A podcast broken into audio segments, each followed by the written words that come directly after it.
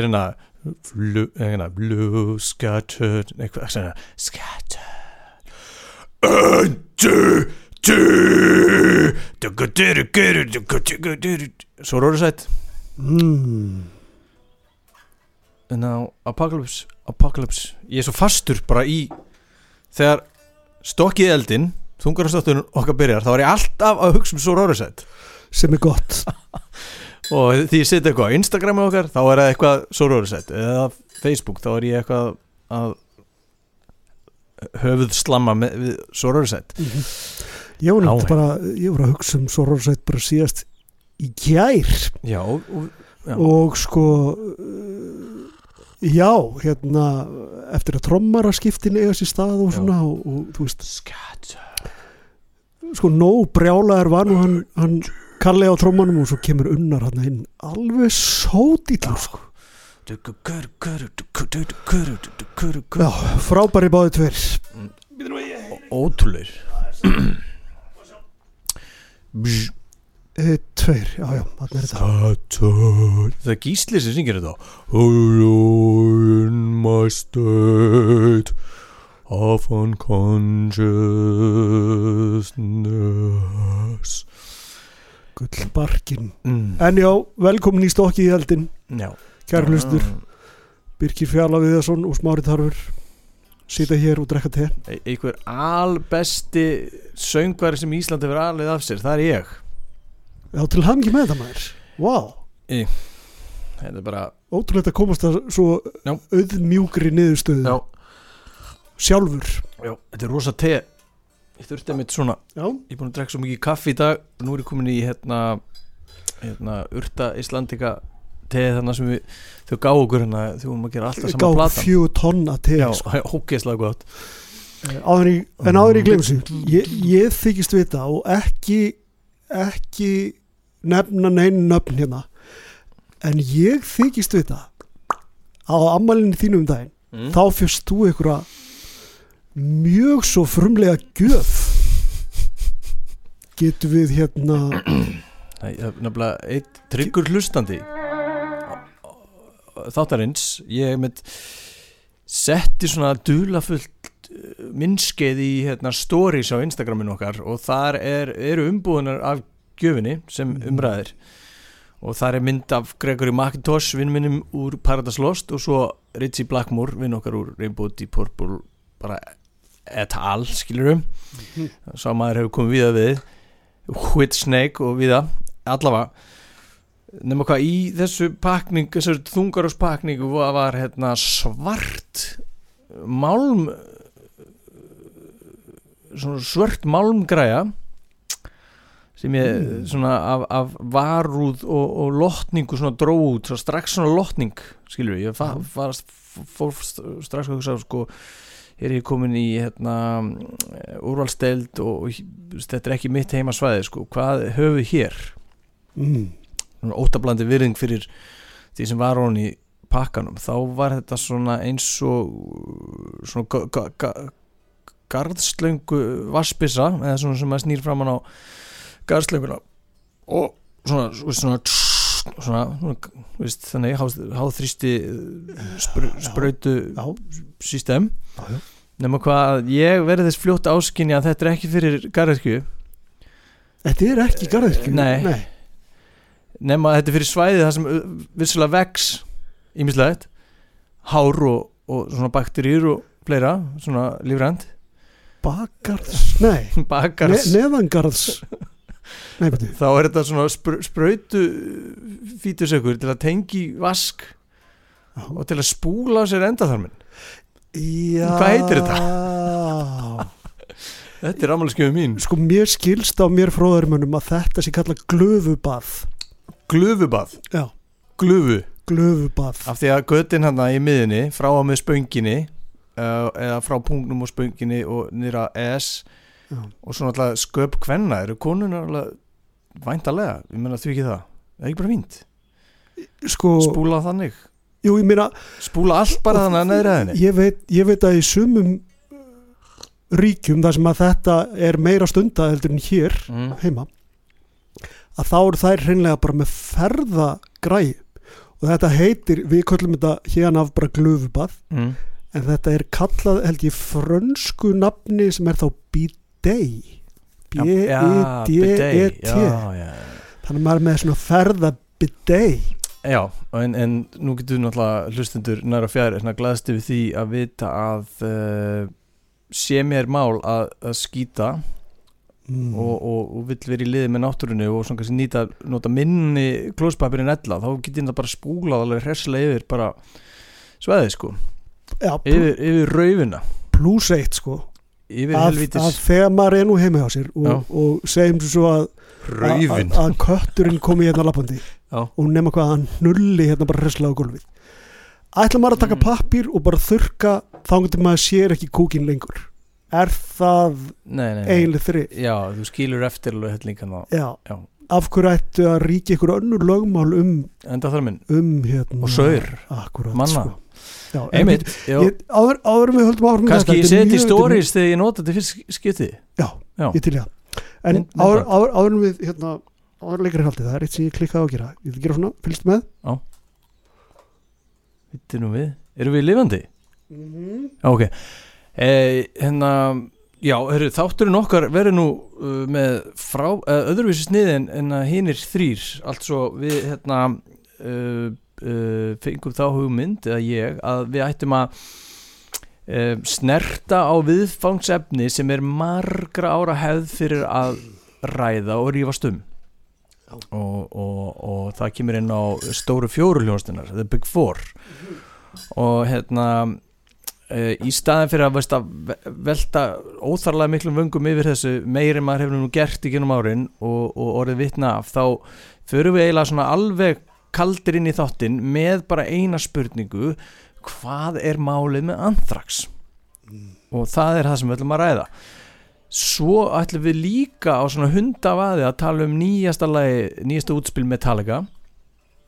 Og það eru held ég þrjú lög sem líka þannig til grundvallar. Svo ætlum við að segja eitthvað frá Creator Lamp of God samstagsverkefninu svo er hérna lag frá Íslensku sveitinu Úlfúð og Raggi Sverrisson hérna Ragnar Sverrisson trimbill úr Outfit N.I. og Helfró Helfró og náttúrulega var í Beneath og Guðmóðu þetta hvað og er svona vinsæll uh, trommari til ráðningar en það er maðurinn alveg gjörsamlega galinn mm -hmm. maður ræða hann aðeins uh, nýjasta nýtt frá honum og svo er það uh, íslenska uh, þungarsveitin Bleeding Volcano allt í hennu er farið að tala um þá á ný en platan þeirra sem kom út þeirra eina plata sem kom út ára 92 uh, og er æði sérstök með við tíðarandan Mhm. uh, hún er komin á Spotify og, og þannig eru alls konar st stóri spilarar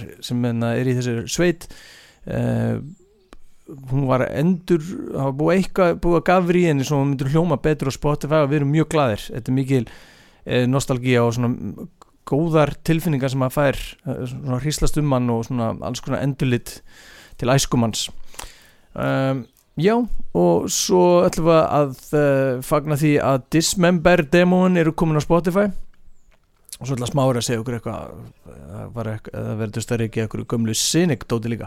En hérna nefnir að lækka það símur ég fyrir að hernulösa þessu helviti Já, svo ætlum við að spila hérna uh, Talandum að spila, bíti, bíti, bíti, bíti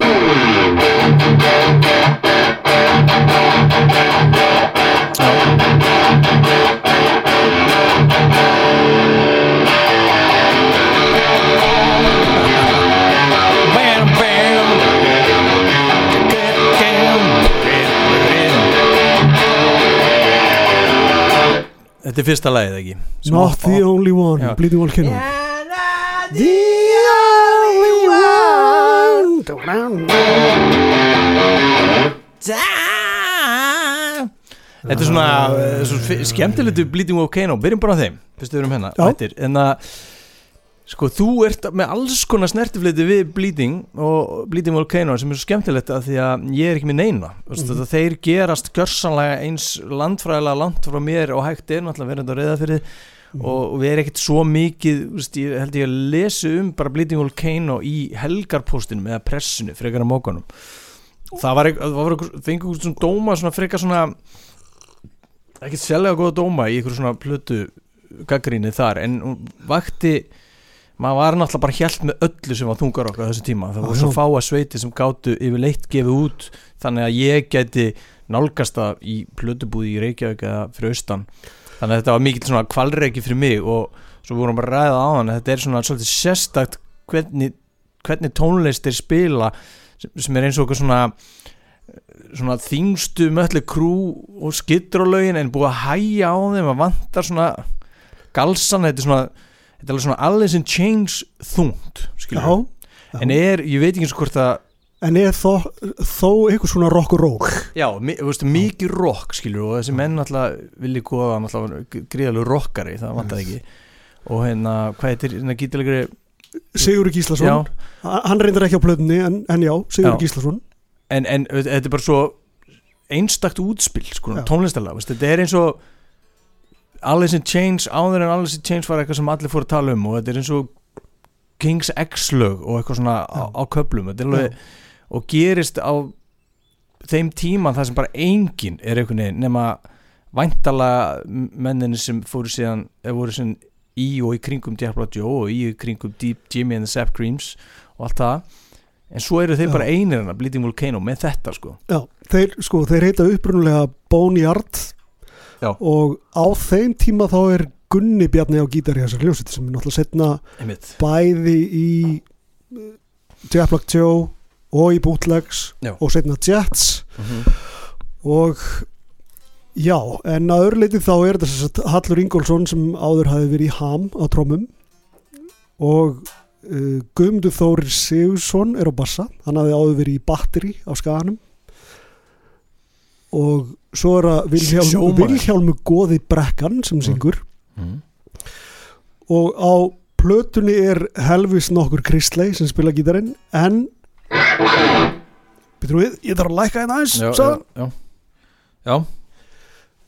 en Já. það er sagt Sigur Gíslason sem er á gítar og þeir sko, það er mitt rétt hjá þér þeir eru hann uppi á svipum tíma og þá bootlegs og eitthvað svoleiðis og ég, Já.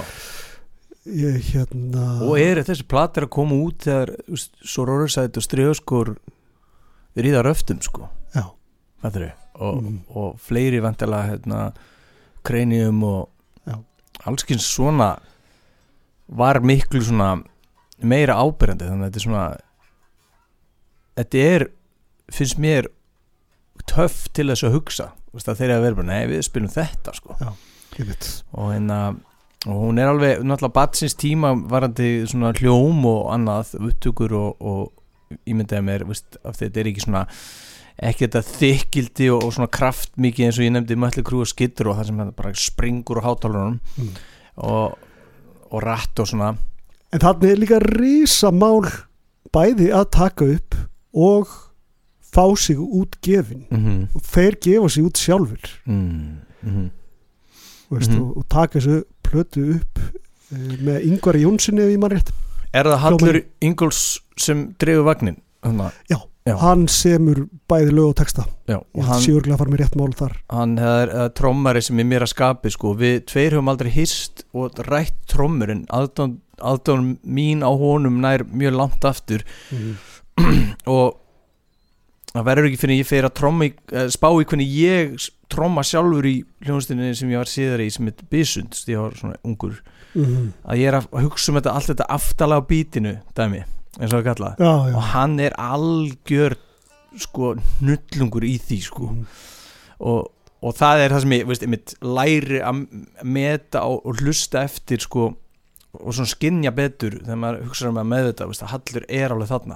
Þannig að það er, kemur ekki óvart að Birgir Jóns dimmumæður spila hann ekki 13 hann þegar Hallur er alfari komið gítar og syngja það ekki? Þá, þá er eini maður sem bara yfirleitt gæti þetta fatta þetta, vera í vasanum með samt svona aftalega mm. þetta er bara eitthvað sem trommarar skilja ógíslega vel og, hérna væntalega gítarleikar og bassaleikar sem spila með svona trommarum fatta þetta, veist finna þetta þeim líður vel þeim líður vel Sko, mér langar að koma inn á að ég er mjög heppin á þessum tíma. Ég man ekki alveg hvernig þetta atvikaðist. Mögulega var það í gegnum Fróða Finnsson, vinn minn í Sorarsætt.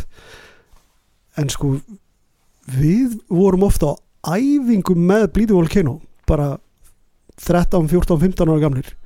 Og þeir voru að láta okkur hafa demo og svona alls konar fínir í sem að mm. við heldum mikið upp á. Í ásakastur. En þann dag ég ætla ekki að segja í dag og hérna nú er Erling Bang ítla svo ekki já, á fyrir ekki Já, við fyrirgefðu. reynum að lauma þessu að hérna Já. síðar í þettinum Já, þau, þú, þú, þú ótt þessu upptökur og þú sagði mig líka að þér og Fróða hafi fundist Bleeding Volcano efnið öll, all mikið sprækara á tónleikum og svona uh, farnast betur eða svona njóta sem betur í lifandi flutningi og, og, og, og, spila á hraðara klikki, skulum segja en það er á plötunni eða hvað, hvað segir það? já, við vorum alveg mjög grimmir grimmir unnundur þarna og reyndar sko reyndar er náttúrulega alltaf þannig með frábæra hljónstir það er miklu efnið skila sér miklu betur á tónleikum heldur en Mm á plötu. En það er frábært að þessi plata sé Já. til og þeir voru einmitt að endur hljóm jafna þessa plötu. Já. Hall- Hallur Ingóls og félagar og eru sem sagt komin á Spotify. Já, við erum, já, þetta, þetta rausina er eiginlega bara til að fagna því, að þetta kom á óvart sko, ég hafði ekki hugsað um, um þessa hljónst í, nokkuð tíma og svo allt henni bara búm, komin í tíma vel og Mm. leði úða vel yfir því. Mjög gaman, mikið fjör.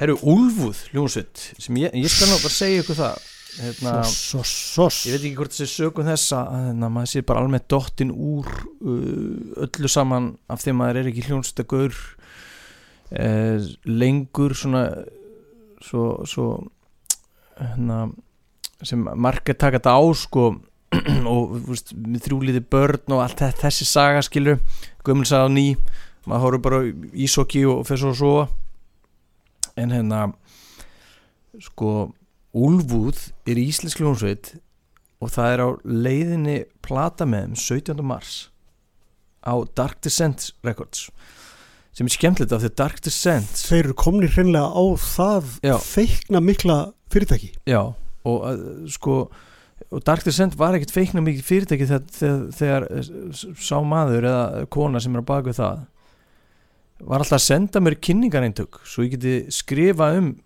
plötur sem Dark Descent gaf út á gamla blogginu mínu Halifax Collect. Mm.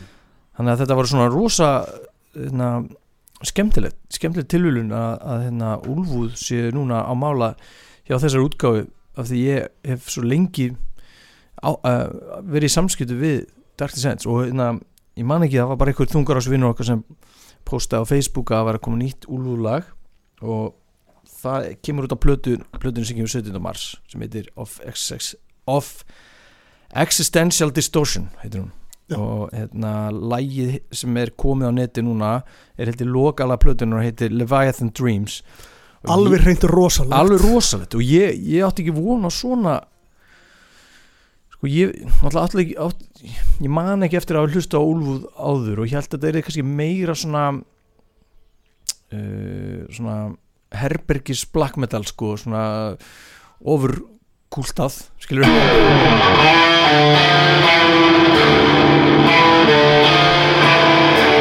Já, sem, sem er er náttúrulega stórkostlegt til sín, síns brúks margar undirgreinar black metals. En þetta er mjög stórt og áherilegt lag. Og það eru alls konar svona ótrúlega svona smekklegar döðarokks skýrskotanir hana í laginu sem kom mér óvart. Já. og sem kannski fekk mig til að sperra eirun ennþá meira af því það, það var eitthvað svona gamall sænskur þá ég er ekki að tala um svona Sunlight Studios svona tremóla riffa hérna endilega döði og svona finskur kult döði hana í einhverju riffum hana sem svífur yfir og bara framvindan og bara stemningin í þessu lagi stórkostleg og svo gáður líka hérna, tónlistamindband við þetta Mm. sem er bara oft uh, skjóta þungurásböndi við markið af því að metnaðurinn slíkur metnaðurinn fyrir því sem myndböndin er sína að fjalla um uh, ko kostnar áallunum getur ekki einhvern veginn bakka það upp yfirleitt en það er ókslega oft hannig og, og þá na, oft uh, reyða það sig og eitthvað svona tölvu, svona stutta tölvu teiknumindir í staðin sem er alveg fínt sko en þetta er alveg listaverk líka myndbandið og þeir eru mjög samfærandi þeir eru að spila hérna eins og þessi að spila lifandi veist, flutning sko og svo líka svona trillandi úti, úti við og eitthvað djúlgangur sko. Ógæslega flott og hérna ég held að þetta sé málið í dag sko úlúð, uh, ef að þessi plata er eitthvað í svipuðum gýru þetta lag sko, Vá, þá er veistla segi ég framöndan nú bara sko. Já. Vá, veistla framöndan svo bara eldsnögt hérna gömlu hundaninni Changer. Já, gáði hérna held ég sent í vetur uh, fyrir áramót altså Pledge of the Dying fimmlaga plötuna minni mig ég, held þessu fimmlaga, Já. ég veit ekkert mikið um veist, ég veit að Hlinur sem var í Shiva. Shiva og Heit og var rosa mikið að spila með Kristjáni. Hérna bara Kristjánu Breytar eins og hann hefur alltaf verið kallað, eða kallaði rosa lengi.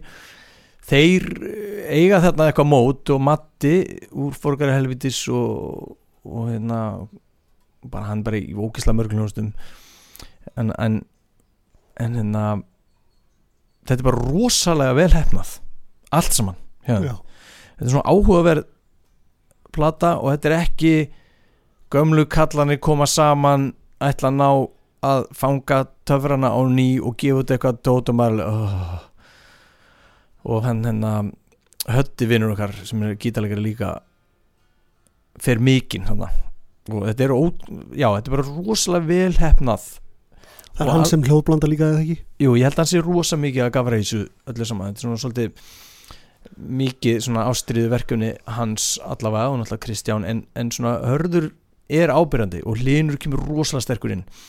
Vel Og- gert Já, strákar vel gert og bara fögnum því, kannski spilum Change-a-lagi þessum þetta eða næsta. Mm. skapið næsta að gera Dismember, sænska hérna, það, er tala, það er nú oft talað um tvo turna í sænsku döðuröki en Ó. tún og Dismember og Gamla hårdrocket. Já, og það var öll svo glöð þegar hérna Já, var öll svo glöð þegar hérna Dismember Like an Ever Flowing Stream sérstaklega kom á Spotify heilsinni eftir margra áða ára byð og betl sem fólk var bara, af hverju er hún ekki að það og þannig að það kom alveg helling af Dismember dóti og demóin sem koma áður en Like an Ever Flowing Stream kemur út. Uh, það eru veldig þrjú demó á Spotify núna sem er rosa gaman að hlusta á. Já, og það er að sjá bara á tveimur árum því líkum framförum þessi hljónstekur það er rosalegt sko.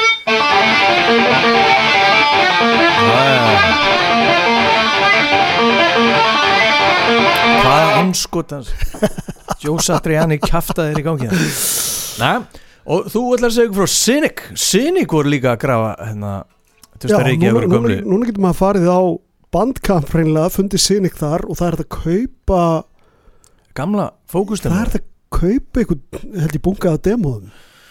Er, er þetta ég bara rétt raka augun í þetta að ég, ég ná ekki alveg að Já, ég er vonandi að sé hérna demóð sem kom út á undan fókus eða demóð sem rótarinn hlustu á og veru hei, við skulum, gefa út fókus það, demóð er alveg mergjað sko. það bara stendur í apfættis plötni vilja margir minna sko Já, og er bara alltaf en svona, er svo frábriði svona blæbriðarlega sé og svona andurslofti af því að þetta er demo og þess að öll vita sem að hlusta á fókus svona mjög Mhm. mikið búið að eiga við þá plötu Mhm. og þarna er náttúrulega Paul Masvidal sem að margir þekkja af Human plötnum með Death.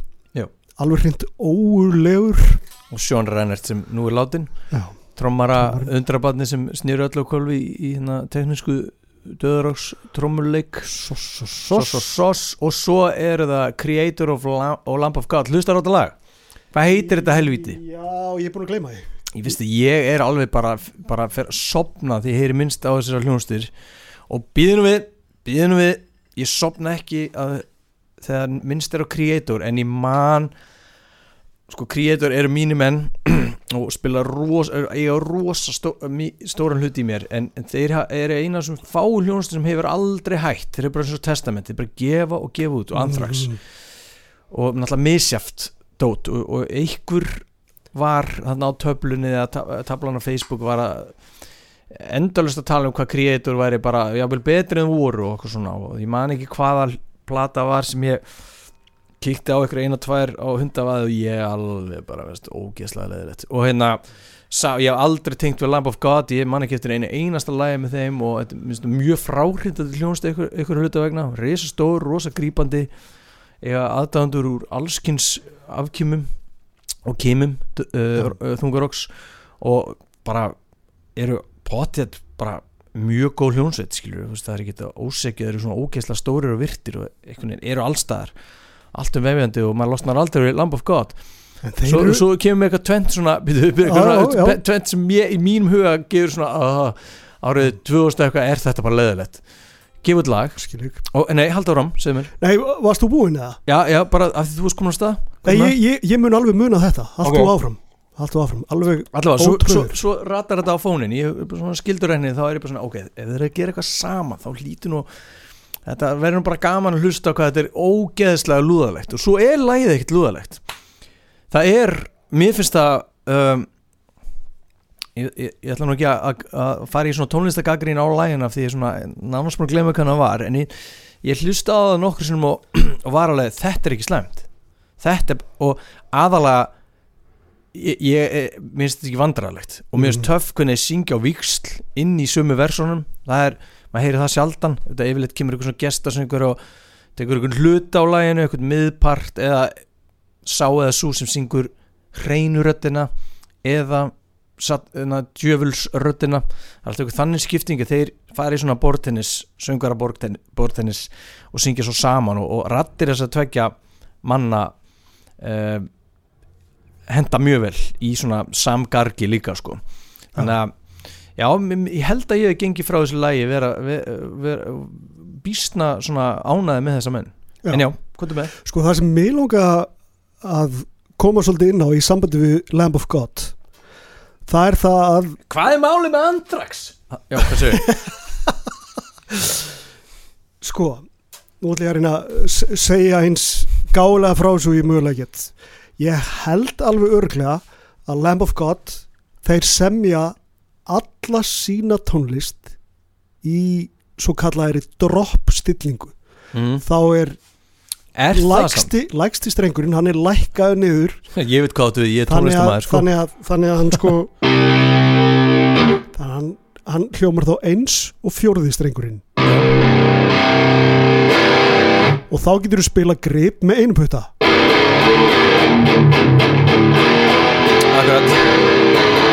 Er það samt, eftir allar þessa plötusmóri og Sko- verandi komnir í ykkur svona ykkur elitu, bara í öllu bara vakken, báta þungrast tónleika hátíða, bla forsýður á þessu, bla bla með slipnótt og slegir, þeir eru allstar. Eru þeir þá að spila svona? Ég held fuck að outta sé örglega að fara með rétt mála því ég setti plötu á þegar hún kom út nú, nú man ekki hvað árið þetta er 16, 17, 18 eitthvað leis og ég heyrði ekki betur en að fyrstu sjö lögin væri í þessari stillingu. Mm. og nú kemur kannski punkturinn sem að, sem að ég var til í að koma inn á. Og þetta er, ba þetta er bara algjörlega mín skýta skýta skoðun hérna.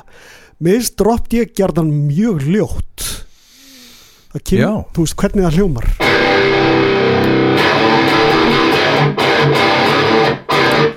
Sko en það er bara mín skoðun að því að mér finnst þegar þú ert komin í uh, satans Já. Satans hérna uh, gripið. Zauta og þó þú sért að spila sömu Já. þá finnst bara meiri kraftur í því einhvern veginn. Hitt það, það er eitthvað hitt það er eitthvað við hitt sem, sem fer eitthvað smá í mig sko. Já, ég, hérna, ég held að en það mér er en mér finnst þessi, Já. þessi, þessi fyrir ekki að ég grýp fram fyrir þér. Nei, nei, nei. Finnst þessi hljómsveit uh, einn tóna Eintóna mér finnst fyrst þrjár plötunar alveg ágætar. Já. en ég var alltaf geta fyllt þeim síðan sko. Ég er svo mikil töffari að eina sem ég hef heyrt að ykkur ráði sem tengist þessum mönnum er Burn the Priest hljónstinn á undan Lamb of God sem held, held ég að söngarinn og einhver annar úr Lamb of God hafi, Lamb of God hafi verið í en til að útkljá þetta still, stillingamál þá hugsa ég að Hötti aftur, títnefndur Hötti Changer Já. og Óskar Rúnarsson sem er komin í Changer. Ég held að þeir geti svarað þessu spurningu. Óskar Rúnarsson var í Bloodfeud líka. Bloodfeud lifir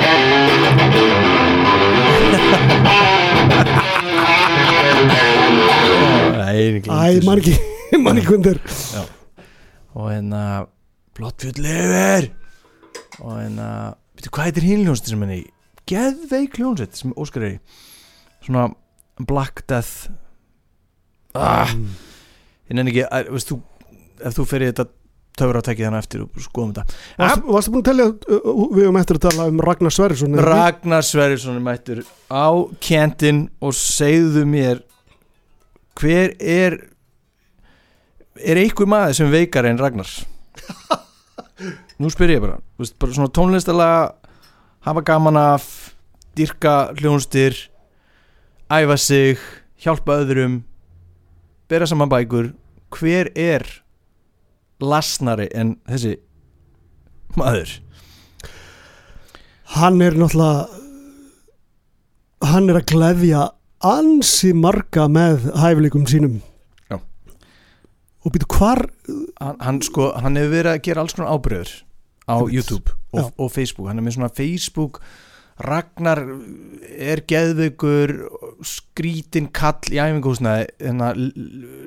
speinar útsendingar það sem Já. spilar að hérna, fingur fram eða að æfa sig og ég er alltaf að horfa á þetta sko mm mér finnst þetta svo rosalegt ekki bara hann spilir hratt og er tæ- tæknilega veist, ó- frábær trommari sem er alltaf að bæta við sig veginn, heldur bara þessi elja.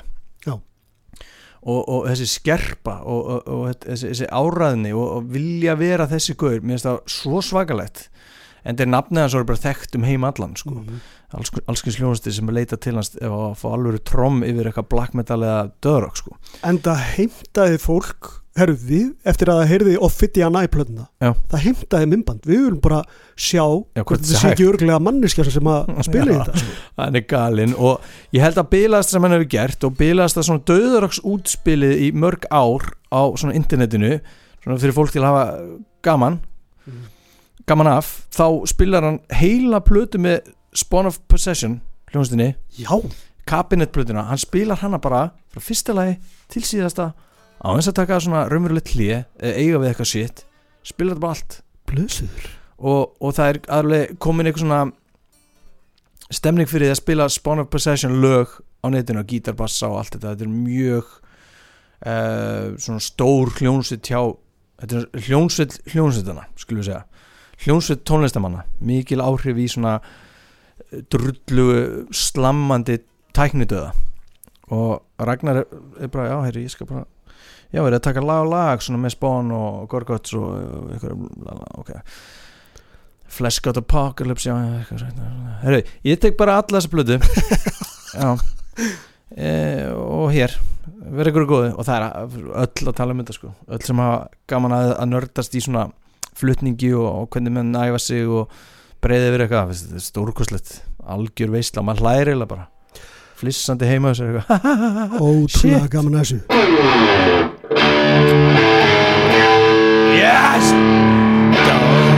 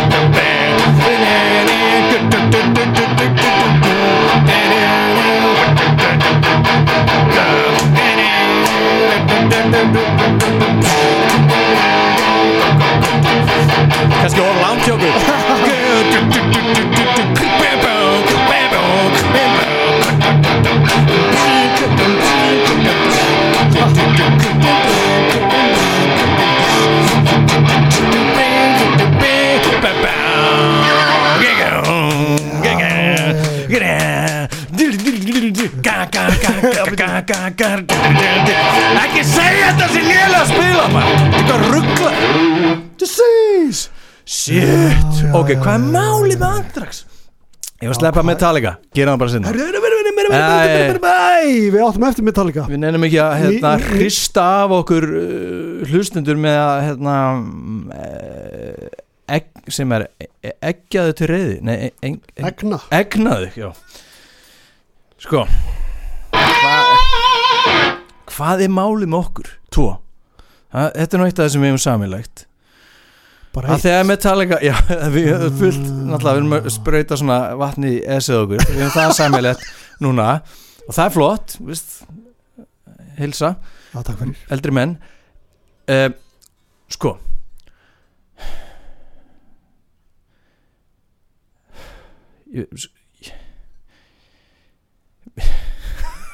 Sko, me, sko ok. Metallica gefa út eitthvað kýtlur og gefa út eitthvað öll hann úti ærast af eftirvendingu það er svo mikið gleði. Það er svo mikið stemning á netinu. Öll að tala um bara það, við heyrðum hérna eina sekundu að Metallica lagi þetta verður algjör snild og svo kemur lagið veist, svona snjált, veist, svona internet eitthvað veist, eitthvað fólk sem vinni á Metallica og útgánu þeirra. Ég veit hvert ég veit ekki hvert ég er að fara með þetta smári. Metallica eru mínir menn. Metallica eru mínir menn. Ég er búin að drekka svo mikið koffin afsaki sko þetta er ekki góð tónlist. Þetta er ekki góð tónlist. Nei, mér er alveg sama þó að segja eitthvað hit the li lights kill them all legt við þennan fyrsta lagi sem hétt eitthvað bla. Lux í törna já. Og, og öll hann úti bara já, kraftur í köllunum. Og veist, ok. Kraftur í köllunum.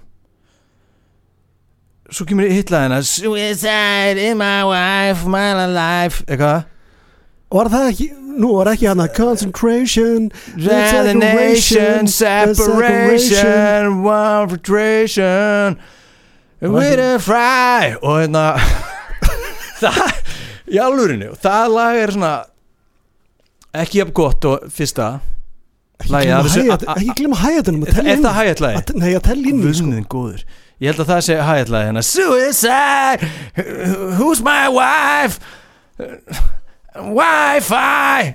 Memory remains! Og það sem er reynda að geða þetta en en hérna, hérna su Suicide Man, eða hvað sem heitir það Suicide Boy nú, nú verður allir hjartla eftir að myrða mig sko. Guðminn góður. Screaming Suicide Screaming Suicide! La la la. Og en það lag. Lars Ul Ulrik er alltaf að tellja á hægætti ég, ég, ég fatt alveg veist, er engin í hljóðveri með þeim?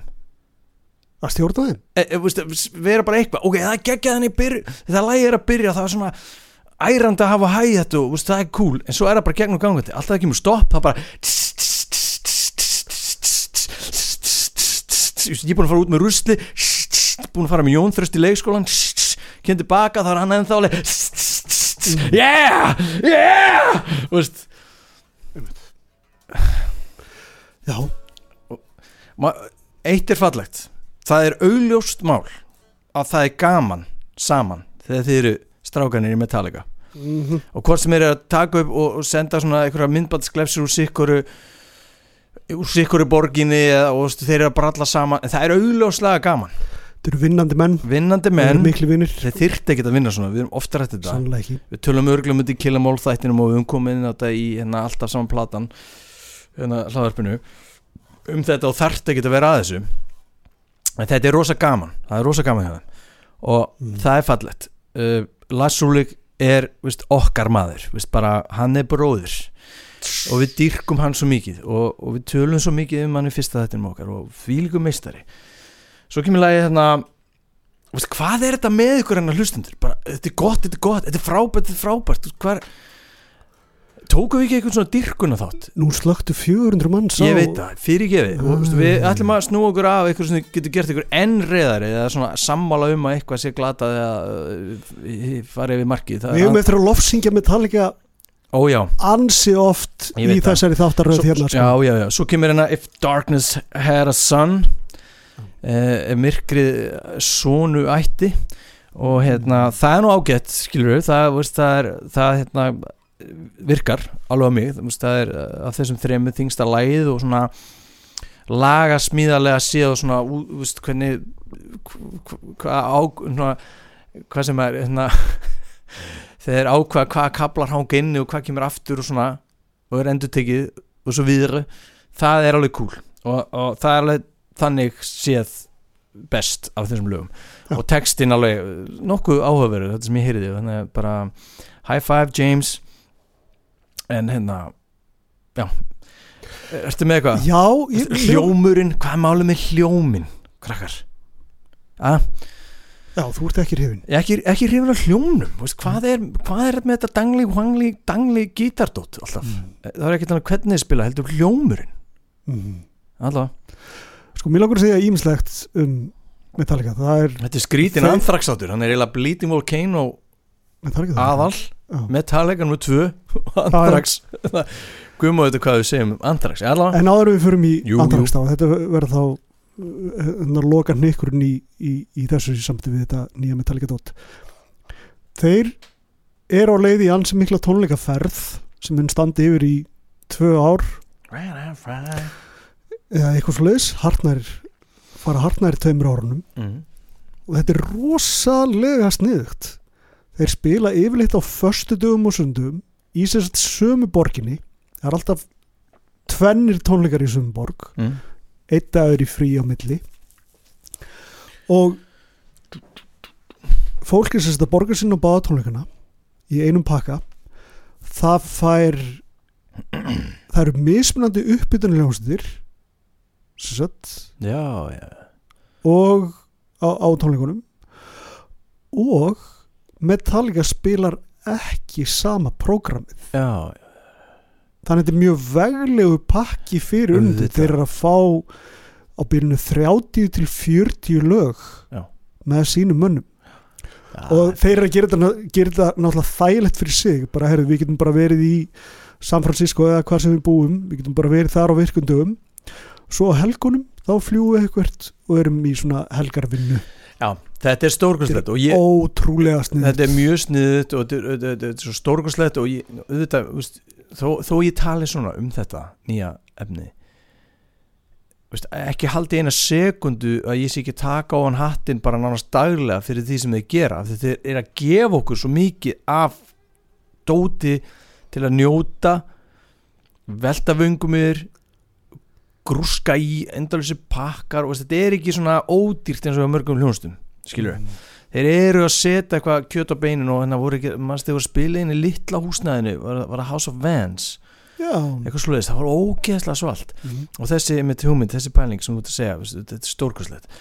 Menna, Metallica, bestir Ke kemur ekki orð að þeir eru upp í staði þegar þessi tónleikaferð er á enda að þá eru þeir hartnær búin að leiða fólki að heyra hvert einasta lag sem þeir hafa gefið út sko já, þeir eru ótrúleir við elskum Metallica. Robert. en ég En- er sama sinni svo þú ég er ekki mikill unnandi þessa nýja efnis. Nei. en Anthrax. Anthrax, mér langar samt að hérna, kannski förum í svona andlegt hlje og hérna, hljónsitt frá Chicago sem heitir Bloodletter. Uh, ég ætla að setja það á næsta fónin svona áður en við hérna, uh, tölum um Anthrax, hvað er málið með Anthrax? Það, allt saman? Mhm. Hlustum um Bloodletter, svona þetta er hrist upp í, í svo vekja fólk að það er algjör svona sláman utan þetta Thrash frá Chicago og Peter Carparelli, hérna aðal maðurinn í þessu sveit, hann allar segja okkur frá þessu lægi um hvað hann fjallar, afsækja hljómgæðin hann var út að labba í róki var í leiðin í lest og, og fara í vinnuna en svo ætlar hann að koma inn og, og gefa okkur sín, sína tvo öðra varandi allt þetta, hvað er með Anthrax? dæmið, þannig að Já. já, þannig að það er spennandi næst á Dasgrá, Bloodletter og svo förum við í Anthrax Poisonous Affair uh, was a track I wrote back in 2014 for the original release of Malignancy, now featured on the re release of Malignancy uh, out last summer. Uh, that song uh, is about the affair of poisons. Uh, historically, um, there's not a whole lot of information available about it, but um, there were effectively a few folks that were uh, responsible for the attempts and successes of poisoning various local officials uh, and for committing uh, small acts of treason along with murder, um, all in the guise of uh, stirring up some uh, political turmoil uh, between the upper classes. Um, and locally, uh, here in Chicago and in America at the time, there was uh, quite a lot of upheaval, um, kind of a harbinger for things to come for 2016, and we all know how great that went. Um, and even though there weren't any, you know, attempts on other politicians' lives that I'm aware of, I wrote the tune thinking, well, what if? How best could we stir up the political system? And, you know, certainly protest and other peaceful and civil means are obviously preferred, but what if we were a little malicious? What if we were a little nasty? And why didn't we just try and off them all, you know?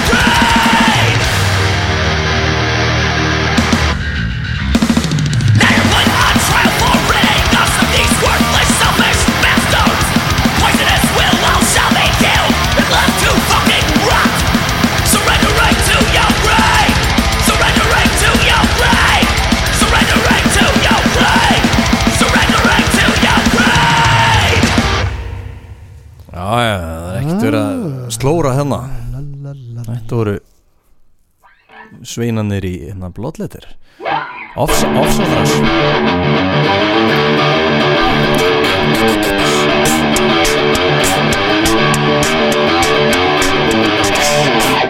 Hérna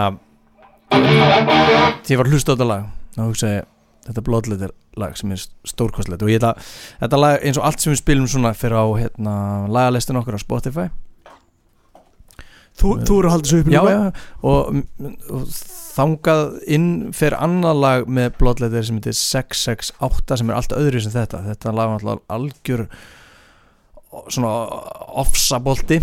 Um, var enga stund að klárast uh, hvað ætlaði að verið tvær mínútur eða eitthvað? Og þá fór ég að hugsa mikið væri nú gott ef að Metallica myndi einhver tíman einhver tíman drullast til að spila lag sem er ekki það þarf alltaf að vera eitthvað sjö mínútur eða kringum sjö mínútur, ég skildi ekki. Allavega það er eins og það er uh, skemmtilegt uh, viðfáðsefni í læginu eins sorgleitt að það nú er þá er gaman að menn klikja út með að segjast bara hva- hvað, það var ekki bara best að drepa alla sem er mjög svona Slayer exoduslegt sem er svona skemmtilegt. Það þarf ekki alltaf að vera flókið. Stundum er bara best að drepa alla en smári brá sér uh, af bæ að gera hvað við maður vita hvað en ég get glætt ykkur með því að einu upp á sljónstunum hans og sem uh, heita Nightmare voru að gefa nýtt efni, tvö nýlög sem við félaginu hefur be be beðið með óþreyju í mjög langa tíma núna og þetta er einu af þessu ljónastur sem hann heila þóði mig með, með og ég er aðdóndi út af því að hann var svo vittlus í. Hvað er tínsveitin sem spilum í Gorgotstæðinum?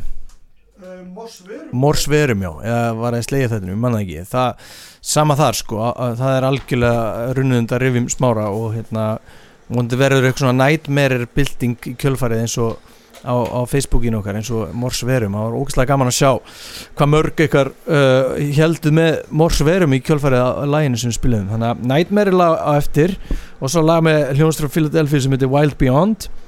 Vonandi verðum við komið með góðan uh, gott uh, internet skjal í góðum gæðum sem getur spilað fyrir okkur. En nú er komin loksins. Hvað, hvað er mikið ah, fuck it, herru, anskotin hafið. Það við- Anthrax, hvað er málum með Anthrax og, og þetta verður náttúrulega ekki Anthrax þáttur í hefðbundum skilningi. Við erum ekki að taka fyrir sögu sveitarinnar. Við erum ekki að taka fyrir ykkur eina plötu segja okkur hvað okkur finnst best endilega eða verst. En hljóðið sem þið heyrið, það er hraðsögukitill já, það. Við erum hérna liggjum uh, í þessu uh, þessum seið og erum það vel, ég er líka honum þýstur en en að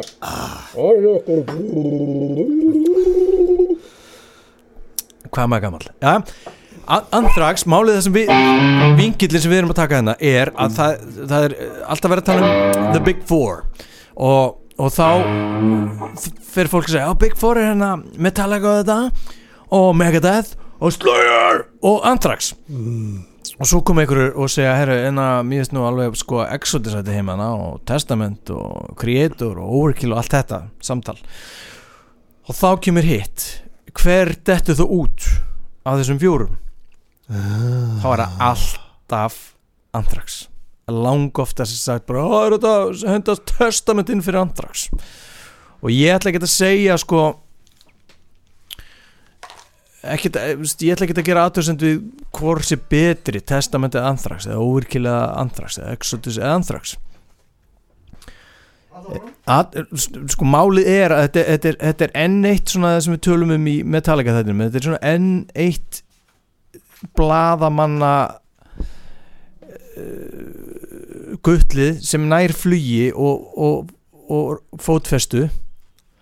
Og, og eldist með okkur. Sem sagt, er bara alltaf er orðið hluti af bara nánast eins og nýtt lýsingarorð.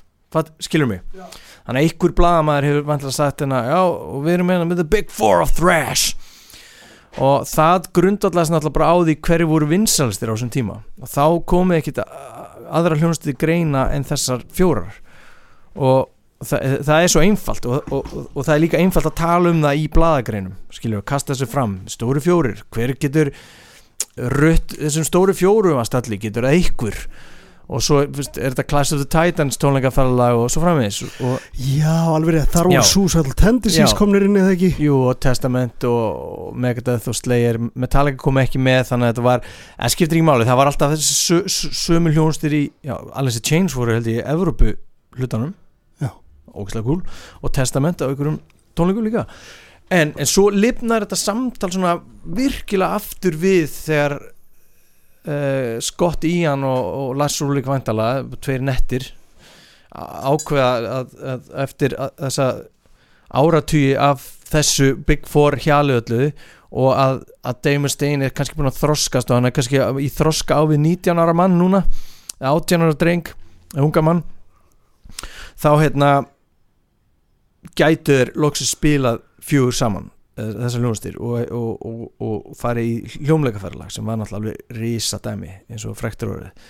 Alls konar hluti sem gerast þar sem við getum reynt, rætt setna en það höfum við smári ákveð að þessi stóru fjóri, fjóru stóru þetta er ekki fyrst og síðust í þátturinn sem fjallar um það. Allavega til að fara yfir þetta hundavæði þá er, er, er svo tónleikaferð alveg rosalega velhefnuð mikið umtal og þá kemur þetta aftur. Og þá fyrir ég að sjá þetta aftur á Facebook og sérstaklega Facebook náttúrulega að fólk er að tala um svona hvað, eiga andrax að vera inn inni mér myndi, mér, alltaf andrax og um ekki andrax og hérna og mér var bara, ég rætti þetta síðast við bróði minn fyrir tveimur sólarhingum Já. Á leiðinni í bíó, í lögurásbíó Já.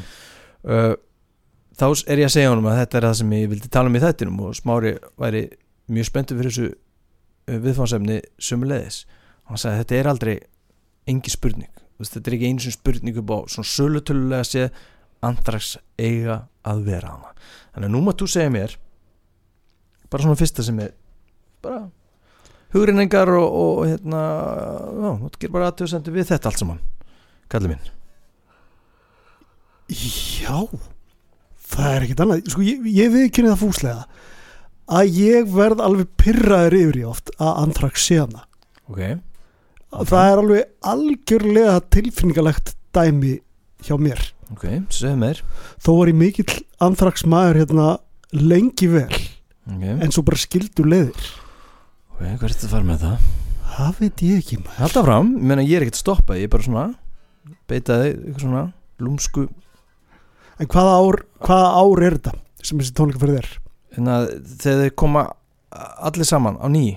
Nei, Ég- nei, nei, nei, upprunulega Clash, Clash of the Titans. Nei, Big Four Já, þegar þið koma saman hann aftur það, það gerist bara tímum, skilur, Instagram skilur, Já, það já. er ekkert það langt síðan. Einmitt. ég veit ekkert, eins og ég segi ég, lofaði því í byrjun og ég var ekkert að skröka við erum alls ekki veist, 2016 2018, ég veit ekki, Já, alveg rétt. Eitthvað þannig rétt. En Big Four var ekki eiginlega tónleikaferð hér, hér á ár maður? Nei, þetta var bara eitthvað sem fólk kastaði fram. Það er eitthvað fyrirbæri sem er Big Four að öll vissu, það er Anthrax Slayer, Megadeth, Metallica. Mhm.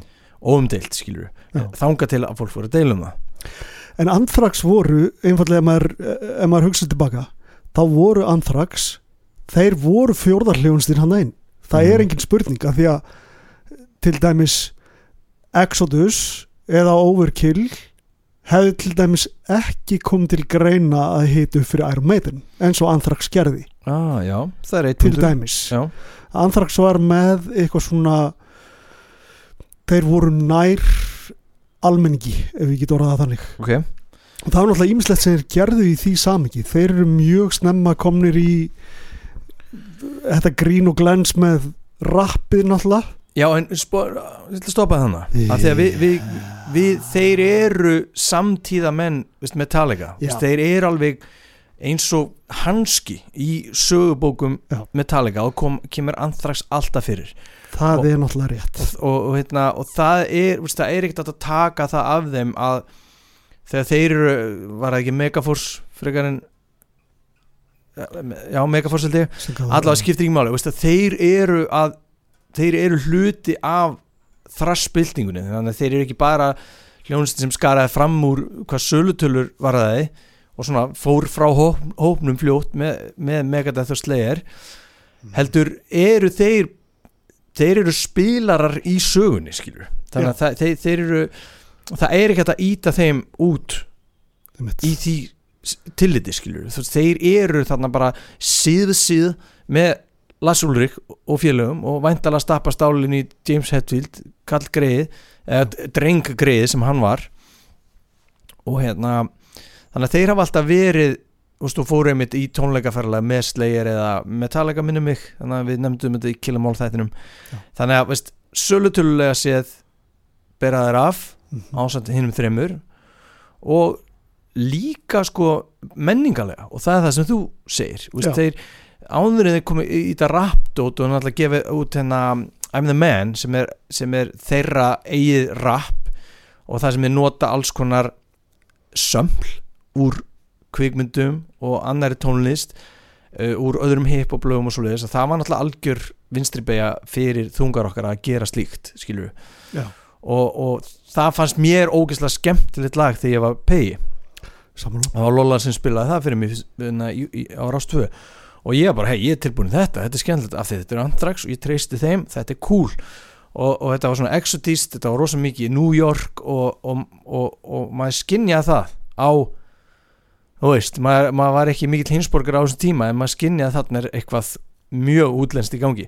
Það var bara já. og, og svo náttúrulega gera Bring the Noise með Public Enemy og þá náttúrulega springur allt upp á það að gera að, að þeir fá líka mikla virðingu fyrir vikið. Veist, ekki bara að þetta lag heyrist við, við að sérst oft og títt á, á hana, MTV og lifir þræl lengi þar þá hljóta er mikla virðingu fyrir vikið. að, að þeir vita hluti. Þeir hlusta ekki bara á Merciful Fate og, og hérna, Judas Priest, þeir vita shit.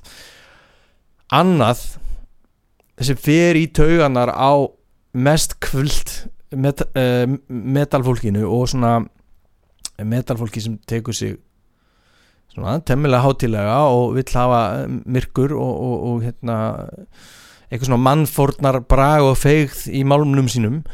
Uh, það fór fljótt í tauganar á því fólki að þetta var ressi strákar mun hressar en Exodus út af við sko. þeir brostu í myndatökum þeir Ek- brostu á Já. plakatum og þeir voru í litríkum stuppuksum Já, og brimbrettast uppusum bermúta stemning ykkur mm Þetta fór í töðunar fólki og á mörgum, en alls ekki öllum. En hérna uh, mörg sko hann úti eins og ég fannst þetta bara skemmtilegt. Uh, uh, skilur af því að ég var ungur. Ég get ekki, ég get ekki endur skrifa sögun í haustnum smári, við rættum þetta í Metallica þetta við rættum þetta oft í alltaf sömu blöðunni að, að þá ertu pósir skilur, þá ertu að þykjast þá ertu að þykjast þau fókin töffari. Og þú veist, annarkvæmt ertu töffari eða er bara venjó. Og það er líka cool. Já. að þýðir ekki að vera að fara eitthvað uh, núna, þú veist, búin að hlusta alveg endalust á þú veist, ulcerate og fokkin fokkin fuck, eitthvað svona, skilur og bara ég hlusta bara á incantation og, og, hérna, og það, skilur og ætla að fara að erfa það við þá hvað þeir voru ógslag hressir ára 80 eitthvað og 90 eitthvað. Mér finnst það bara heimskulegt. Og, og hérna og, og, og það má, og ég, ég gef fólki það alveg að finnast fagufræðilega svona astnalegt skilur Já. En það er ekki þetta, það er ekki þetta ef þú tekur það í burtu, lusta bara tónlistina þá er ekki þetta sviftað á þessum Big Four titli skilur, Nei, mér finnst það heimskulegt? Takk fyrir. Fyrst við, við koma aðeins inn á þannig að þeir, þeir voru með grín og glens og, og náðu svolítið til meira til almennings heldur en, heldur en til dæmis Exodus og Overkill og svona. Já. að það var annað sem þeir gerðu sem var pínu umdeilt mann ég. Já. það var það að þeir mertu plötuna sínar með New York hardcore merkinu Já, og voru líka með á bólum og sko þetta, þetta var mjög umdeilt að þeir voru aldrei hardcore hljónsett þannig ertu komin inn á mína inn í mitt herbyggi sko. Þeir ég ætla að stoppa þarna. Ekki mjög umdeilt. Þetta var umdeilt þetta gerði New York hardcore fólk sumt hvert mjög. Uh, þetta var einhvernum Birki og Reyðafyrði að lesa Metal Forces drull. Ég skildi þetta ekkert, ég vissi ekki að þetta væri eitthvað. Hins vegar og ekki bara mótortúlin Scott Ian sem er sennilega bara inn í eldus að tala við konunum mína akkurat núna, hann er allstaðar. Það er mjög líklegt. Er mjög líklegt Mjög og hann er líklegt. sjálfsagt að vera að sækja strákið minn í leikskólan og allt það og gerir heimildamöndu því. Helvits Millerinn og hann hefur alveg útskýrt þetta og, og það eru New York hardcore gaurar sem bakka hann upp og Frank Bello og Charlie Benante ég líka séð þá tala um Já, þetta Joe já. Belladonna var alveg fyrir utan þetta allt saman Já. en þessi þrý sérstaklega fóru á hardcore tónleika og fannst ofbeldið og orkan og allt þetta hvað allt var stutt og hnýtt með ógeðslega uh, uh, aðalagandi þeir voru alltaf að fa fara ánga og það var auðvitað, þeir voru stundum litnir hortnöga en þetta var svo stutt tímabil hortnöga, metalgöranir með púðluhár og sít er furðulegt á tónleikum með Chromax og Agnostic Front og Murphy's Law, skilur en það, þetta tímabil svo stutt af því að svo fór hardcore að krossa yfir í thrash metal Já. sem bjóð alveg til bara fullt á rosalega spennandi plötum sem við skulum fjallum síðar. En þetta var bara svona einhver fúlir New York hardcore og, og, og sem voru eitthvað að finnast eitthvað um þetta. En nei, Agnostic Front og Chromax og þetta skiptir hann mestu máli að Agnostic Front og Chromax hafa eða allavega í setni tím, tíð komið anþrættis varnar og verið bara hei, þessi gauðra voru cool þeir elskuðu hardcore, þeir voru ekkert í pittinum alveg í slag og, og hérna berjast við nýnasta fyrir utan tónleikastæðin þeir voru bara lúðar úr útkværunum sem kom hérna og auðvitað sökkaði smá að þeir voru að setja New York hardcore merki á plötunum sína eða plaggot eða varning en svo hættur þeir fljótlega. Já. ég man ekki eins og hvort ég, ég, ég er ekki með umslæði á State of Euphoria fyrir fram en ég held að þetta kom ekkert fyrir. Nei, þetta, var, þetta var Among the Living mann ég. Já, já, þetta var svona mest þar. Já.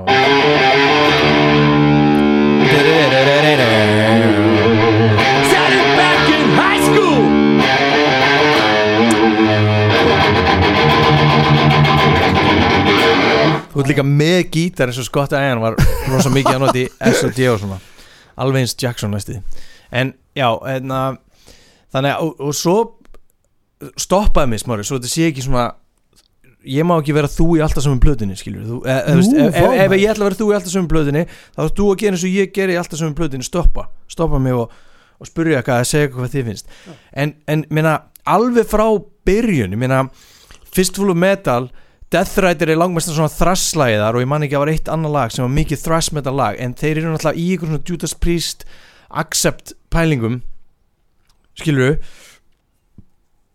en, en svo bara á, á sp- Spreading the Disease skilur þá koma lög þar sem er bara veist bara spilamennskan og, og ákæðin er svo mikið að bara kemur svona eldglæningar úr græðunum það er bara, það er fokkin grjótart thrash og þó að það hafi ekki verið ílt thrash eins og Dark Angel og Slayer og eitthvað þannig eða Satus setna eða eitthvað sluðið það það átti sinn sess. Algjörlega og það er ekkert fyndi við þessi lög, þau eru ekkert eitthvað goofy.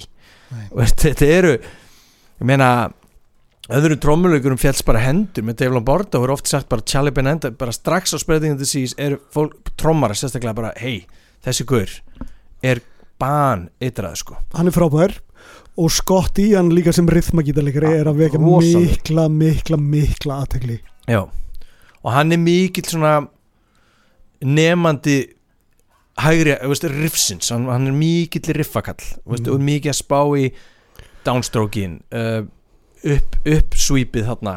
Að polmute pælingarnar og allt þetta, veist, hann er mjög framalega á svið og, og, og alltaf að vera að tala um um langmestum hérna, James Hetfield og, og Damon Stein í þessu samhengi að vera með grimma hægri hönd og alltaf hann er ekkert langt undan. Ekkert hann, er hátt- hann er hátt skrifaður ekkert frekar en Jeff Waters sem bara í og hérna en hann er með eitthvað svona tækni og ég horfi miklu meira á Scott Ian mymbund á YouTube en þú að því að hann fyrir tönaræðir, ég veit það. Og ég læt mig bara þó, ég meina ég vinn á geðdeldum og svona og þannig ég læt mig hafa það að hlusta á alls konar í fólki. Og en ég hef mikinn áhuga á hvernig hann nálgast hljóðfæri og gítaleg og hvernig hann heldur sér feskum bara svo það sé á bornu hann hefur mjög mikil áhrif á minn gítaleg Akkurat. Á sín tíma. ekki frekar að vitnuna við hérna einmitt. Þannig að ég, ég, ég, ég tek það sannlega ekki á honum. Og, og í- rauninni sko ég treyst eila á hlustendur úti að, að, að hérna maldi móin eða með eitthvað annað hérna inn í, inn í þetta umræðefni af því að meina ba bara spreading the disease er no uh, tón, tónlistalega getur alltaf sett á Bonded by Blood eða þú veist, uh, New Order með Testament, það hefði geta verið þarna s- hlið við hlið og farið inn í eitthvað svona kassa af fjórum hljónstum en þeir náðu bara almenningi miklu betur.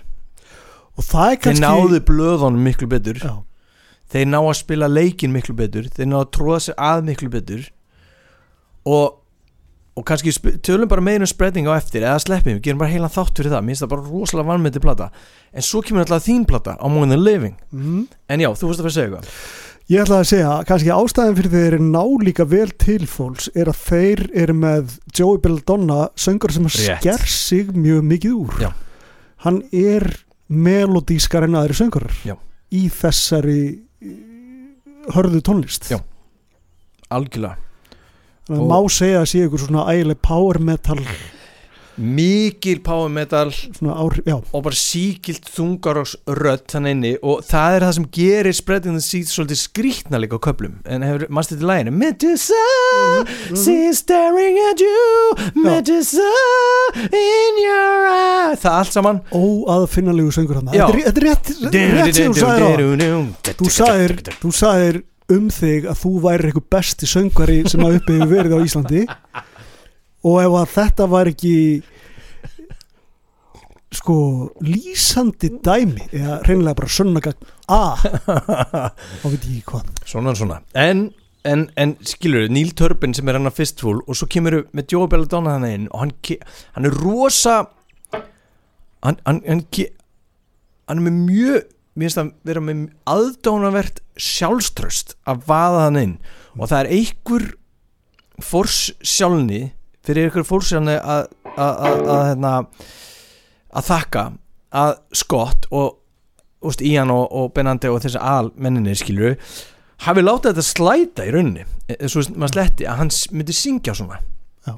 Af því að Dave Mustaine þó að hann reyna að syngja melodist þá er hann alltaf með þetta og það er eins og hundur með bein í kjáttin og, og þetta og, og, og, James Hetfield með mjög svona karlmannlega rödd og Tom Araya svolítið illur mjög illur og með rosalega hérna hraðan flutning og svona Exodus alveg sér á bátinn alltaf með sitt og enna, þá kemur hann, hann er eins og einmitt, stendur úr hann gerir það, sérlega mikið sko. Heldur betur. Og, og, og svo veldur hann lögum eins og hérna svo hérna hefur heyrt hvernig hann syngur í Gung Ho sem er æ, bara eitt af æstustu andraslögum. Þú eru bara, þú eru bara að syngja það. Nei, en bara keirslan í þessu lagi eins og ro rosaleg. Þannig að hann kemur inn með miklum látum en melodíum skilur Mm. með tæra rödd og allt það Já. og svo kemur þitt og náttúrulega mitt og okkar allra uppáhald er náttúrulega Among the Living Among the Living og segðu okkur af hverju hún er frábriðin hinnum ekki bara hinnum fjóru fræknu heldur líka því sem er að gerast sem er hana erar kroppa í þetta sérstaklega Overkill og Testament sem er svona kroppa og Exodus er ennþá inn í samtalenu hvað veldur smári sko hún er það eru á, á köplum eru grípandi lög hana Ó, en já. samt nær hún því að vera hún nær náttúrulega að vera mjög hrá þetta er ofsalega hráplata uh, hún er fjölbreytt það er eitthvað svona leikur í henni sem er mjög skemmtilegur á köplum mm -hmm. veist og þeir eru bara að gera öðruvísi hluti en hina hljónstunar Já. og trommuleikarin afsakið trommuleikurinn Mhm. á þessari plötu er brjálaður já, fyrir þennan tíma sko, alveg brjálaður. Og það er ekki bara að hann sé að gera eitthvað sem er svona uh, krefjandi að flytja heldur hugmyndinar sem hann er að gera. Mm. breykin, uh, hvernig sem er það á íslensku veist, öll- breykin hans og, og sérstaklega áherslu spilið hans á bassadrömmuna hann er einn, hann er algjörlega einn þannig Mm. með þetta allt saman. Og, og hérna og þannig að maður heyri alveg sprotan af þessu byrja að gerast að spreading en þarna alveg rosalega mikið af Among, alveg þvílíkt stökk í trómleik og svo líka hljómurinn að rosa svona höggkraftir hljómnum þykkur gítar. Bakrættirnar já og þegar Megadeth er ekki að gera þykkan gítar uh, gítar sem lemuð utanundir bakrættin er mjög töff og Mm. mjög mikið New York hardcore skiluru en auðvitað hefði óþjálfað eira mitt ekkert verið alveg. Þetta lítur að vera New York hardcore innblásnar bakrættir það er bara fárulegt að þetta var bara bara tjöngi kjötaða bakrættir sem var náttúrulega hina hljóðstum voru ekkert að nota bakrættir að þessu upp að þessu marki skilur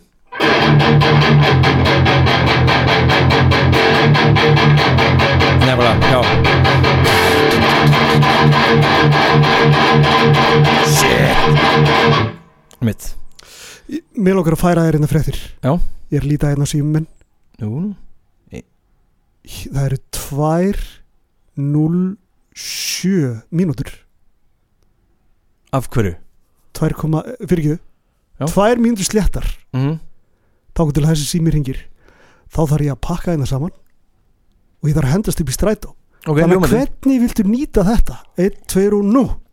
Mér langar bara, á hundaveð að fara yfir alltaf smellina á þessar blötu Among the Living, Karin Moss, I am the Law Even Uka Fessin, NFL sem er ekkert sérlega gott uh, Skeleton in the Closet, lala Svo kemur Indians, One World Again One World, One World, Welcome to it og Horror of it All fínt og Imitation of Life. Þetta er bara, Töl- er frábær plata Já. ég man eftir í, sko þarna, þarna er ég búin að vera í Metallica náttúrulega mm, og Slayer eru komnir inn og ég er með æði fyrir Raining Blood og Overkill eru komnir inn og ég er með æði fyrir Taking Over mm. og svo kemur Among the Living og það kemst bara ekkert annað að Já. heldur en þessi plata oh, hún er Padró. alveg búin að taka á heldtökur drengin á Padró ræðum þetta betur, Scott Ian er sannlega ekki að sækja strákið minn á leikskóla af því konu minn var að ringja og minna maður á að drengurinn minn býður. Þannig að nú er best að gjósa. Yeah. mm,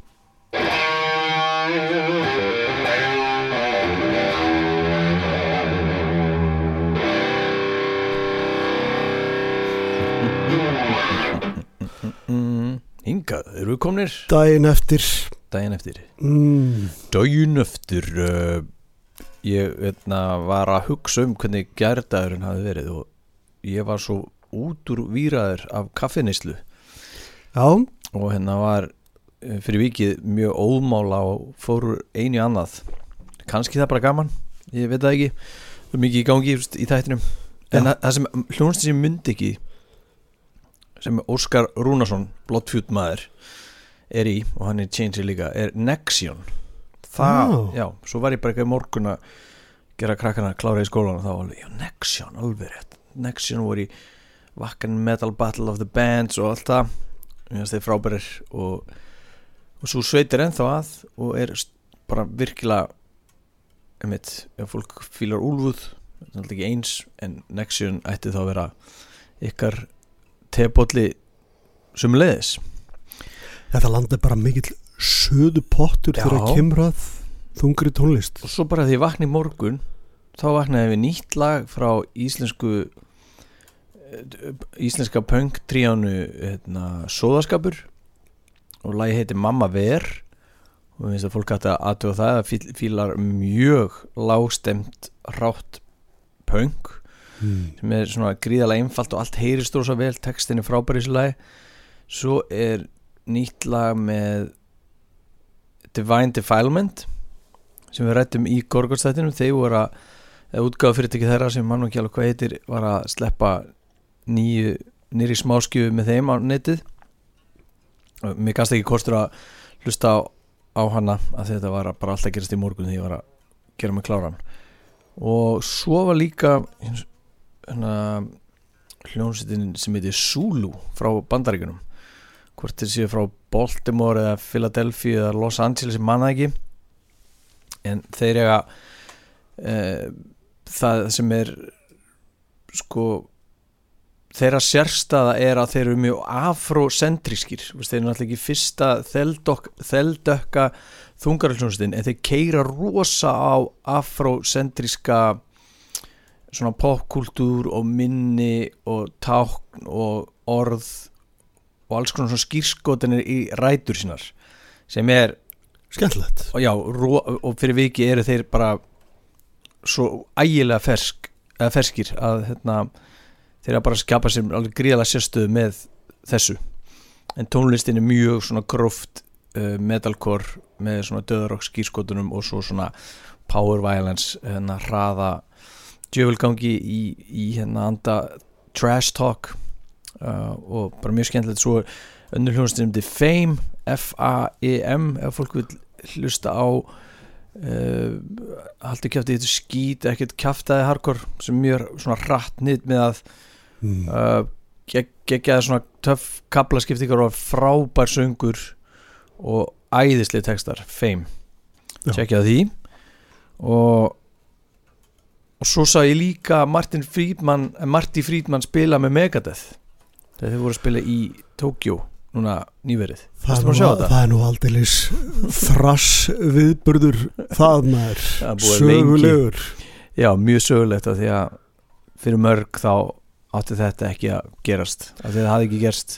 Nei, en eins og ég segi, veist, að fólk eru svona gamalt það bara allar stríðsaksir grafnar og allt, allt, allt svona eitthvað svona eitthvað sem einhver sagði einhver tíman í viðtali, veist, að nennir enginn að hengja sig á þetta. Nei. Og hann stóð sér rosalega vel. Já, þeir spiluðu vel saman í einhver svona þryggja gítara harmoníum sko. Spiluðu held ég Countdown to Extinction. And all are gone all but one. Æðislegt lag. Og svo spiluðu þeir held ég Holy Wars. Og Tornado of Souls það sem að tekur sólóða sitt fræga Já, og er alveg bara nánast eins og á blöðunni þannig að Marti Frídman er í fanta formi. Já Og Megadeth í raunni líka sko hérna mm. Haugur Viðar Alfredsson eh, sá mikli Megadeth maður og bestu plötu maður Já. og besta Mustaine eftir Herman Landsins. Já, og besta skinn. Já, og besta skinn. óttalegt grei sko hann, Nei, hann veit meina það ég held að hann heiti Kiki Lourenco getur það ekki verið? Jú, brasilíski gítarleikarn sem er núna í Megadeth. Já. hann veit meina hann sé svo besti sem hafi verið í Megadeth. Já. og þá meinar hann betur en Marty Friedman. Já, já, kannski betri. Hann, En en, já, bara skemmtilegur. Já, frábækur gefur mjög mikið af sér á, á öldum ljósvagans. Jú, jú. E, Já, fyrst erum að tala um Megadeth Endilega hlustið á Megadeth þáttinn hjá bestu plötunni. Já. Það er alveg hrikalega skemmtilega þáttur og, og mér finnst eiginlega svona ég hafði rosalega áhyggjur af þessum þætti fyrir hönd haugs af því að veist, þetta var svona ég myndi ekki þóra þessu, þessi tilfinning. Af því að þegar maður elskar eitthvað svona heitt þá vil maður helst ekki þá finnst, mé- mér persónulega finnst stundum eins og ég gæti ómulega gert einhverju skil og væri bara hálf vandrarlegt og eftir frekar að sleppa þið mm. en þeir hérna, gera þetta mjög vel og þetta var svakalega skemmtilegt að hlusta á. Mar og ég talaði margsinnis við við þá bara inn í eldus og vasku upp alveg, nei hvað er það að segja maður, haugur, come on. Arnar, þú er ekki hlusta á þetta. Hvað, þú getur ekki að segja þetta. Þú veist, ég var þarna sko. Þannig að það er svo skemmtilegt. Við kannski förum í það að velja bestu besta þátt, bestu blöðnar Njú, það getur verið. Þá þurfum við ekki að hlusta á nema hvað hundra og eitthvað þætti? Það er alveg viðstóla menn. En uh, við vorum í hérna, Among the Living og, og erum ennþá að tala um þessa sérstuðu anthrax í þessu uh, Big Four samengi og kannski er það bara fyrir, uh, út af þessari sérstuðu það sem þeir eru oftast að milli tannan á fólki við hver, hver má fara og hver um, heldur sér hann inni. Og mér finnst það bara töff smári, mér finnst töff ef þú ert með eitthvað svona það mikið þitt eigið í gangi að fólk hafi raunverulega svona mikla skoðanir á því. Já. og svona tillingaskýtur eins og að þeir klættu sig kjánalega, það er náttúrulega búið skilur Mm. en það var rosa mikið þeirra þegar- í svona myndefni sem kom í blöðum að þeir var, voru öðruvísi voru með eitthvað hatta og svona alltaf gerðið mikið grínlögum og ég þreyttist fljótt að grínlögum mér finnst það því að unlingu sko. Já, og mér finnst leiðilegt þegar mér finnst það skemmtilegt þegar ég á pegi og taka upp blandspólur og setja grínlægi frá Nuclear Assault á spóluna. En eftir að, núna finnst mér þessi lög ekki skemmtileg sko. Nei. og hérna það var svolítið langt síðan hérna hlusta á ábreiðplötuna og, og Glens plötuna Attack of the Killer Bees sem er svona sapna bjöliðaplötum og svona sprell upptökum. Já. Frá, frá Anthrax og blæði svolítið yfir á, á milli S&D og Anthrax á þessum tíma. Það er náttúrulega Bring the Noise eða ekki? Jú, það er Bring the Noise og allskins fínir í sko. Þar og væntalega eitthvað flip. er það ekki Chuck D sem Jú. kemur svo í, úr Public Enemy í Bring the Noise? Jú, og flavorinn er hann líka hann bara rap, svo rap lítið sveitinni og, enna, og þeir náttúrulega nefna Terminator X líka. En ég veit Já. ekki hvort hann sé í læginu mm. en ég veit að þetta fóð fyrir brjóstið á fólki að það væri að vera að grínast svona og þá voru þeir svona málaðir með einum pensli eins og sattir, veist, að þeir væri eitthvað þrassband sem væri líka grín. Já. en þeir hafa bara gefið út svo rosa mikið af málsmetandi og tímalösu efni að það er svo miklu meira af því heldur en gríninu. Þess að finnst mér svo, mér svo ódýrt að fólk afskrifa þá út af þessu. Já. það er svo mikið svona tillingaskýtur og það er það. mér finnst þetta eru- bara tónlistamenn sem að tegja ánga sína víða. Þú sérð til dæmis með Benante trómara og Scotti Ian gítuleikara þeir sitt í gang hardcore hljónsinn til hliðar. Stormtroopers of Death Mhm. eða S.O.D. mm -hmm. sem vekur feiki mikla aðtikli Já, og en að svo, og svo, svo finnst mér líka við þurfum, meðum ekki sleppa á Money Living alveg strax af því að þessi sérstaða þeirra að búa til svona ef við segjum svona pund fyrir pund já, þeir, þeir geta gert ja, grípandi lög og Megadeth, ef við tökum slegir út fyrir grípandi sögan og við höfum náttúrulega þeir gera líka alveg vissulega grípandi lög en svona eitthvað sem þú gæti spilaði bíl á leiðinu keppnisferðalag skilu á vopnafjörð með einhverjum eldri krökkum í rútu og það kemur veist, Metallica lag já, og það er bara grípandi, bara Harvester of Sorrow skilu, þú getur bara verið alveg mm. Og, og Anthrax eru þarna líka en alveg með einstakt einhvern veginn einstök e- efnistök skulum við segja. Og það er svona meira svona götu stemning. Já. einhvern veginn meira eins og þetta svona sprettur upp úr upp úr einhverju svona djammi skiljum mig, eins og þetta sé ekki alveg jafn meitlað í stein. Og fyrir vikið er þetta svona meiri svona lifandi tónar einhvern veginn. Og Já. það, það hérna það gerir að verkum sko ég, var, ég hugsaði ekki svona um tónlist þegar ég var ung, strákur. En núna kann ég svo vel að meta það sko og þegar mér finnst Among the Living svona eins og maður segir stekkur úr hátalunum. En Justice stekkur ekki úr hátalunum skilju og miklu þingri vöfum og maður þarf alveg að byrja svona mm, þegar maður hlusta Justice bara enn þann dag í dag. Þannig að ég held að þetta hafi verið þeim til tekna sko Já, ég get, eh, þetta laust niður í huga mér bara núna. Ég get ímyndið mér líka að, að uh, ungt fólk sem, sem hlustaði á Anthrax hafi tengt svo vel við hvað þetta er raun og veru einfalt á köplum mm -hmm. samanbyr gítarleikurinn að, að hann er, hann er ekkit eitthvað sérlega svona tæknilega ögrandi. Hann er það í rauninni Mhm. ekki. Það, það er mikið að einhverjum svona Já, e- einhverjum svona mitt þetta er nú reyndir ekki úr neinu lagi heldur eitthvað í þessa átt sko. Mm. að það er, það er þessi það er þessi skemmtilegi einfallegi sem er fengin að láni úr pöngi Mm. Já. Já. Og ACDC náttúrulega. Mm. Li, li, liggur yfir ACDC hann skotti í hann Skotti hann er mikill ACDC maður heldur betur. Þannig að hann, hann er rosa mikið í þessu að, að, þessi, þessi nálgun og tónspeki að, að þérna, tónlistarspeki að, að leifa riffum að anda og svona. Hann er alveg full í því sko. Já, svo líka sem gefur sérstöðu er og við verum alltaf, verum aldrei gleyma þessum manni, það er Frank Bello. Já, gítar, nei, bassafantur mikill og hann er alveg þarna úr Steve Harris skólanum sko. Þannig að hann er að taka sko alls konar svona melodiska slaufur upp og niður hálsin á svona háréttum aug, augnablikum og það hann getur alveg tuttast í gegnum lög eins og hörðustu þrassanir sko. Mm. en svo er hann með þessa melodísku uh, svona bara náða gáfu að þarna kemur þetta inn sko. Og það heyrist svo vel. Og það er svona finnst mér pingu súrt á næstu plötu uh, State of Euphoria sem ég, mér þykir rosalega vænt um og ég veit að hún fór í tögunar á fólki af því að hann fannst þau bara vera of hlaðin af pælingum. Veist, bara af svona stúdjó pælingum alls konar hljóðbreytar og fettlar notaðir hérna á gítarana og marg tekið upp sko. Alveg margar rásar í gítunum og þannig týnist svolítið Frank Bello. En að bassalegur hans fer svolítið uh, aftalega í, í hljóðblundunni skulum segja en súplata finnst mér vera uh, feikilega vanmetin og, og hérna þó hún sé ekki gallalaus, hún er náttúrulega bara of laung fyrir að fyrsta og of pæld verandi vinir Metallica það finnst mér líklegt að þeir sem voru mestu samskiptum með Metallica sem Scott Ian og Charlie að þeir eru að vita hvað var að gerast þannig á milli Masters og Justice mér finnst það líklegt og náttúrulega bara frá og með Masters þá, þá, þá eru Metallica langstæstir svo eru þeir bara svona pop stórir náttúrulega.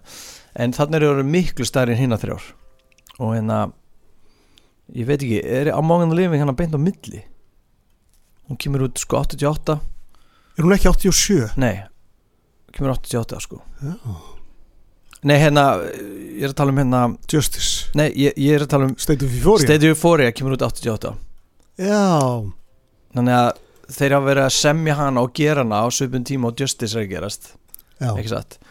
Þannig að mér er fyndist eins og skott í hann mér skott í hann vera alltaf á mjög svipari bylgjulund og Metallica. Mm. með það alveg, ok, Metallica eh, voru alvarlegir á, á Masters en þeir eru þú veist, bara komin í eitthvað sko þvílíka dýftir hana á Justice. Og þar með segjum við skili við hvað segjum við, svona ráleikan á Among the Living og allt þetta New York tímabils þeirra sérkenni sko. Þannig að þeir fara meira yfir í svona eins og ég segi, bara nána, nánast proggað proggaðan metal sko. Þeir verða fáaðri. Já, fáaðri, það er orðið sem ég leita og því miður þá hérna setja þær hérna antisocial á þetta sem mist leiðilegt lag. Þannig Já. ábreiðan tröst semst einhver, einhver franst metalband sem ég aldrei hlusta á sem hérna heitir Tröst eða Rocklunst gamla góða Turbo úr Borganesi Já, Súljósitt, hún gerði ábreiða þessu lagi sem var sínd í íslenska sjónvarpinu upptíðan, á, á rúf þar að segja. Ég finnst það alveg með eindam leiðilegt lag sko og mér finnst það svo leiðilegt hvað þetta fylgdi andras mikið. En, en ég meina það er rétt, þetta var þetta var Svona svona, þetta svona smellur þeirra Já. að mörgleiti Já, alveg ferlegu sko. Og hann kemur strax bara nummer fjögur á aðliðin en, en ég átti þessa plötu á vínil og, og mér hérna veist, fyrstu þrjúlaugin eru bara nánast nögralus það er Be All End All, Our Side Our Mind og Make Me Laugh. Mm. og Make Me Laugh heyri- heyrið ég því á Lollu fyrst getið og, og hérna þá bara, bara fór ég beint í síman og pantaði plötuna held ég úr Japis nei, gramminu, gramminu. nei, gramminu eða steinari varst þetta steinar Já, það var annarkvort og hérna, og talandu grammið Kitty Rock er að fylgja okkur á Instagram nei við verðum að klappa fyrir því Já. eitt gítasólu fyrir kallinn þetta er uh, mjög það er sko hátíð í bæ þegar svona mikilmenni fyrir að fylgja okkur á svona drasl samfélagsmiðlum Þetta var aðalegt gítarsson Nei, komdu aftur. Þetta er eitthvað svona meira svona getið sko. Já, og, og svo, svo er hérna að byrja bjöliðin á frábæra lægin á It's Dark Mhm. og svo er Missy Loves Company hérna á, á hérna bjöliðin líka og svo lægis í svona Schisms sem, eða Schisms sem ég finnst núna ekkert sjálf gott en allavega veist, þetta er góð plata og minnst hún vannmetinn uh, sá sem á sko stjörnuleik hana og fer með heiminskautum er Charlie Benante sko. Mm. Hann er þarna að, að bæt veist, ef það var ekki nóg fyrir þá er hann ennþá einhvern veginn hann er svo frjór smári. Og hann, hann, hann er svo músikalsku trommari og hann er alltaf að uppgötu eitthvað nýtt og setur það af svo mikli smekkvísi inn í lögin að hann er eiginlega bara sér á báti í þungarokki og, og núna er hann alltaf bara til dæla nývaknar og í, í, þetta gætu talið ykkur aðra hérna, spilara og ég vona að fólki í hérna á Facebook-grúpinu og hlustundur okkar benda okkur á þetta en, en, en hann er alveg sér á báti sem, sem tónlistamæður og á hérna gríðalagan gríðalega sterka spretti.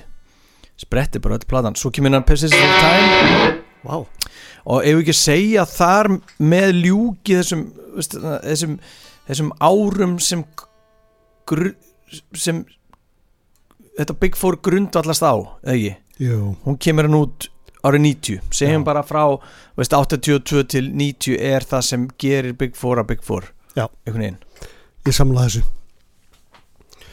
Ég samla þessu. Ég nenni ekki að ræða allt sem kemur eftir svörtu plötun og svona, þá ertu bara komin í ykkur aðra deild. En svo er bara endalst bygg eitthvað að gera Big Four í Þískalandi veist, Sodom, Destruction, Creator getur kannski henn tankartan inn eða eitthvað. Big Four í Kanada veist, Annihilator uh, Exciter uh, Sacrifice og hérna kemur Korner ekki inn í þetta. Ha, Er Korner ekki inn í Corner þessu? eru Sviss. Þeir eru frá Sviss, Já. já. Já, svo náttúrulega bara Voivod Vá, og, ég hef alltaf tengt þá við Kanada með Já, Voivod og hvað hérna hinn kanadiska hljómsveitin sem við vorum að tala um í hérna, Killmore þættinum allavega, það- er löflétt að raða svona upp sko. En, en ég var líka að hugsa um það í gær því ég var út að labba með dóttur minna í barnavagni er að ef ég myndi ef við ætlum að taka bara liggur í nafnsins eðli Big Four, stóru fjóru það er ekki stærri en þessir en ef að stærði myndi ekki skipta máli og Anthrax myndi þurfa að hopa af einhverjum ástæðum þá myndi ég setja testamentin já, og eina hljónustin sem hefði getað kroppað í testament ef við höldum þessu, í bandarækjunum er overkill. Það er ekki Exodus og það er ekki að því að skýti yfir Exodus það er heldur líka bara ég, alltaf, þetta, ég er alltaf að segja þetta pund fyrir pund gæði efnis og hvað gefur út mikið skilur að gefa út mikið gerir ekki góð hljónsveit en ef þú gefur út tiltölulega mikið og hlutaslega mikið af því er ljómandi gott yfir í frábært þá ertu að gera eitthvað stórkostlegt og það eru testament. Mm. og Overkill hefur alveg fatast flugið sko á köflum Já.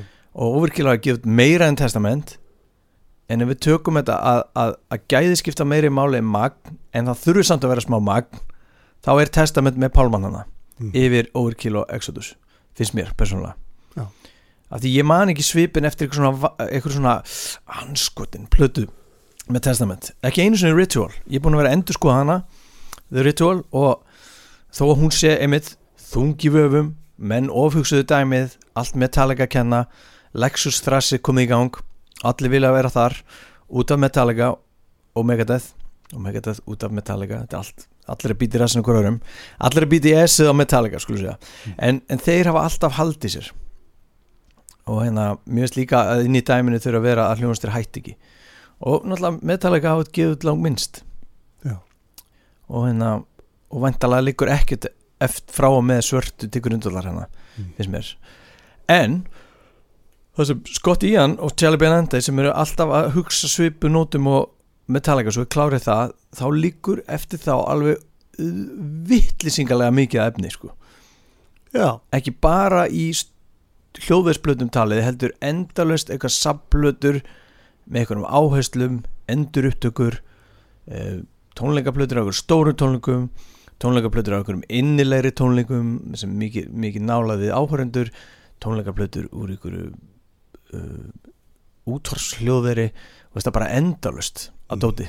Þannig að, þannig að ég held að það teki blaðsið þannig úr bók Metallica með það að sko halda sér inn í samtalinu einhvern veginn. Já, þeir hafa verið duglegir í því og skott, skott í hann sérstaklega. Já, svona einhvers konar einhvers konar sendi herra þrassins já, ef svo eitthvað segja. emitt, emitt og og lætur, lætur oft á sér lætur oft á sér bera í því Mhm. samengi mm -hmm. en ég vil kannski koma inn á það ég sagði að að leiðir hefði hvað sem er, skil skiliði, já, mínum skott í hann já segðu okkur það hvað er nú með það er sko ég maður sjá hvernig get ég, hvernig get ég orðað þetta hann Anthrax verður bara eftir Mhm. einhvern veginn State of Euphoria er strax skref niður á þið fyrir mig. Persistence of Time f- fannst mér ekkit spes og svo skilja leiðir alveg þegar söngarskiptin eða sér stað. Mm. mér finnst þú ættir að endur sko persist, Persistence of Time. Já. það er mitt ráð til þín. Já. en þú spilaðir hérna riffa áskorun mitt af Persistence of Time í Gorgastættinum og spilaði fyrir Gumma Jónasar. Það er rétt. Sví, sví, sænsk, sænsk sænska durtin sem hlustar alla þettina en já, mér finnst þú að endur sko Persistence en já, held Persistence en svo einhvern veginn veist, það er alveg sama hvaða sjóanstátt maður horfir á sem er tengdur rocki eða þungarocki það eru alltaf sömu gaurarnir sem eru svona álitskjáðar Mhm. og það er ímist slash eða skott í hann Skotti í hann var bara í eldur svona hella på kaffi ég vaknaði sko. Hann er allstæður já, þannig að uh, það er, og, og svo líka bara minnst hann dragast svo rosalega aftur úr sem gítalegari mm. því hann er, hann er bara bundin við þennan tíma sem var frábær og hann er ekki að þróast neitt sérstaklega eftir það. Okay. hvernig fannst þið myndbandi um Þess- sem hann er svona að pröfu að gera eitthvað gítar og er að taka allt þetta hægri handa sweep. Og niður niður hömrun. Nei, þú gast ekki mikið fyrir það. Nei, nei, alltaf það voru ekki mjög leðilegur því ég segi það en, en bara, þú veist, svona er þetta stundum veist. En, að hann, hann en ég fer ekki dóðan því, hann var einna bestu þrass gítaleikurunum á Mm. sín tíma, hann var með sérstöðu mm, og var litríkur persónuleiki að minnsta kosti út á auð já en smári, við hérna kannski sittum tappan í eh, komum við eitthvað svona niðurstöðu í þetta mál eftir smá. Um, nú ætlum við að tala um hérna, þau sem stiði okkur standa við bakið á, á hérna, stokkiðeldin sem er Luxor. Luxor. Luxor. Veist, veistu hvað ég sá hérna á Facebook? Það er hérna uh, hópur sem heitir græjur og tæknunördar án landamæra eða eitthvað svona manni hvað þetta er. Og þar er einhver manneski að spurja hérna, hérna hva, hvert leitaði þar tjald fyrir einhvern viðbyrg, hvort það voru tónleikar eða eitthvað annað, tjald fyrir uh, stóran hópa fólki og eitthvað svona. Hver mætir hann í aðtöðsendakerfi? Er Óli mættur? Óli maður, Óli ofur já Luxor já já vinkona kær Luxor er með tjöld af öllum stærðum og gerðum fyrir öll tækifæri og hann kom með eitthvað romsana og, og þá, þá var ég alveg með allt sem við erum búin að segja um Luxor í alltaf sem blöðunni og í þessum þáttum hérna er satt, veist, þeir redda og þeir eiga og þeir aðalagast og, og hérna þetta er svona fyr, fyrirtæki sem er, veist, það er engin sko pæling of klikkuð eða of ekki nógu, nægilega merkileg svo að þeir eða þau get ekki hjálpað sko og bara berga deginum Mm.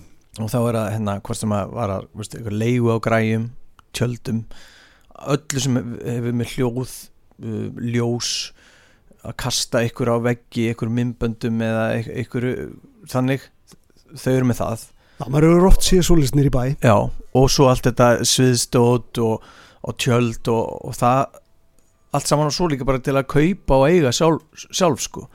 Þú ert í hljónsveit eða ert ykkur viðburðar stjórnandi eða eitthvað sem er alltaf að setja eitthvað þannig þá bara kaupir þitt eigi hljóðkerfi. Bara í gegnum luxor, nýtt eða nota það hvað hann er og færi ráðgjöfu það. Mm. þú veist, ef þú ert að setja upp ykkur síningu eða ykkur stað fyrir fyrirtækið þú veist, sem þú ert að taka mi, mi, tekur á móti fólki, vilt hafa ykkur tónlist þá vilt ekki bara hafa tónlist, þú vilt nú hljómi vel og ferðist vel um rýmið, þá er þeir bara með svona rýmis hljóð, en hvað heitir það, hljóðveru pælingar eitthvað, sko, það er allt annað sko, svo bara svona fyrir eitthvað svona Já, þeir hljóðu jafna rýmið fyrir þig. Já, svo sé eitthvað svona skeggfreður eins og þú sem vilt fá heyrnatól sem eiga að passa fyrir eitthvað blað þá bara kaupir það þar mm. skilur, þannig að bara Luxor kíkja á heimasíðuna, luxor.is og fylgja þeim á, á samfélagsmiðlunum hérna Instagram og, og Facebook og hérna hafið endilega samband. Ég, ég hef lúmska grunum og Óli sé á hinni línun sko, þannig að hafið samband.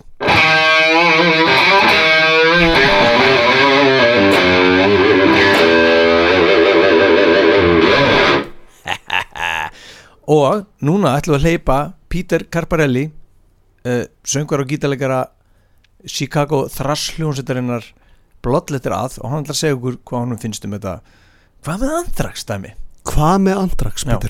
Hlustum hann All right. When it comes to the big four, there are a couple of things that I think need to be discussed first and foremost before you try to decide if one band stays or goes.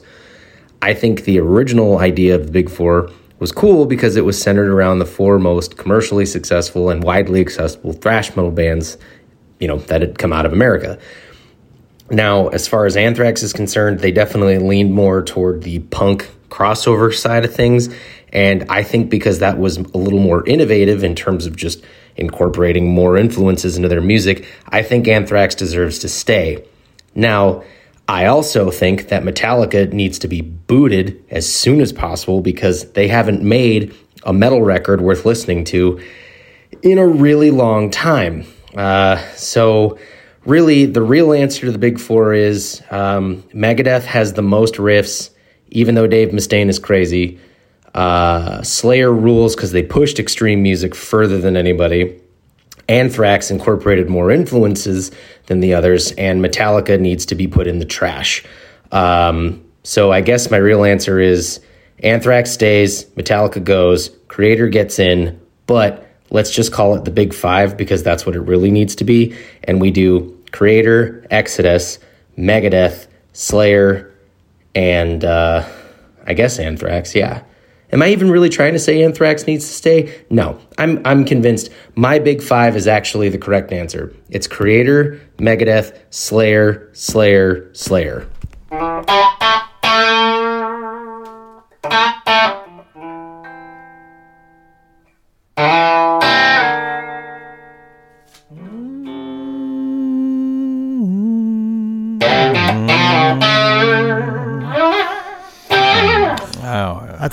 Fór í, fór fór, í rass. Fór í rass eins og hérna amaliskjöðin svo gafst mér hún fór í, upp í rassina mér. Til til hafa með það maður. Takk, það er ekki einu svona grín sko. Það er ekki sagt sem þetta á að gera fyndið. Herðu, hérna- Sko, mér, mér langaði að gera eitt. Já, að því að uh, það er nú oft sem að hlutir gerast í hitarleiksins hérna í, í stokkið í eldin og Drottumyndir. uh, sólin skín í heiði og eitthvað Mhm. sko, þegar við vorum að tala um ásakið gítardótari hérna þegar ég sagði að droppstillingar væri ljótar. Ég veit hvernig við sönnum þetta mál hérna. Það er það að núna er ég að rétta Birki gítarinn. Ok. Og hann er alltaf að spila riff hérna í droppstillingu. Já, þú ert búin að droppa. Já, hérna, er- hérna er nögl. Ok. Og taktu nú eitthvað eitthva riff hérna svona að fingri frá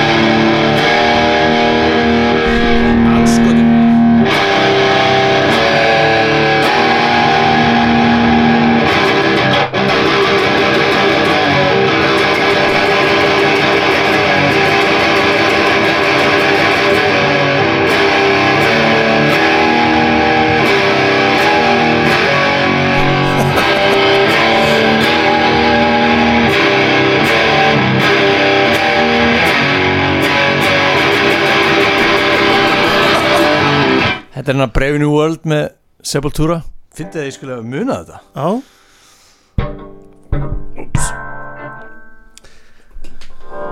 Face!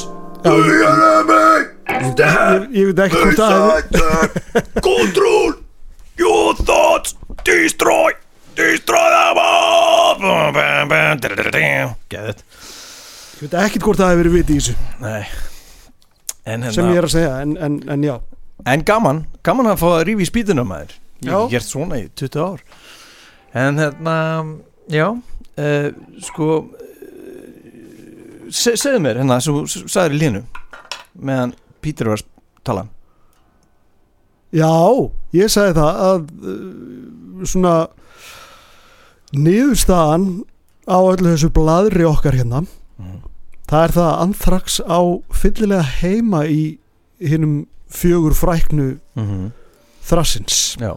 Það er svo leys Það er óumdelilegt finnst mér líka. Því meiri sem hugsa þetta uh, frá eins, eins basísk pæling og að vera stór þá er heimana.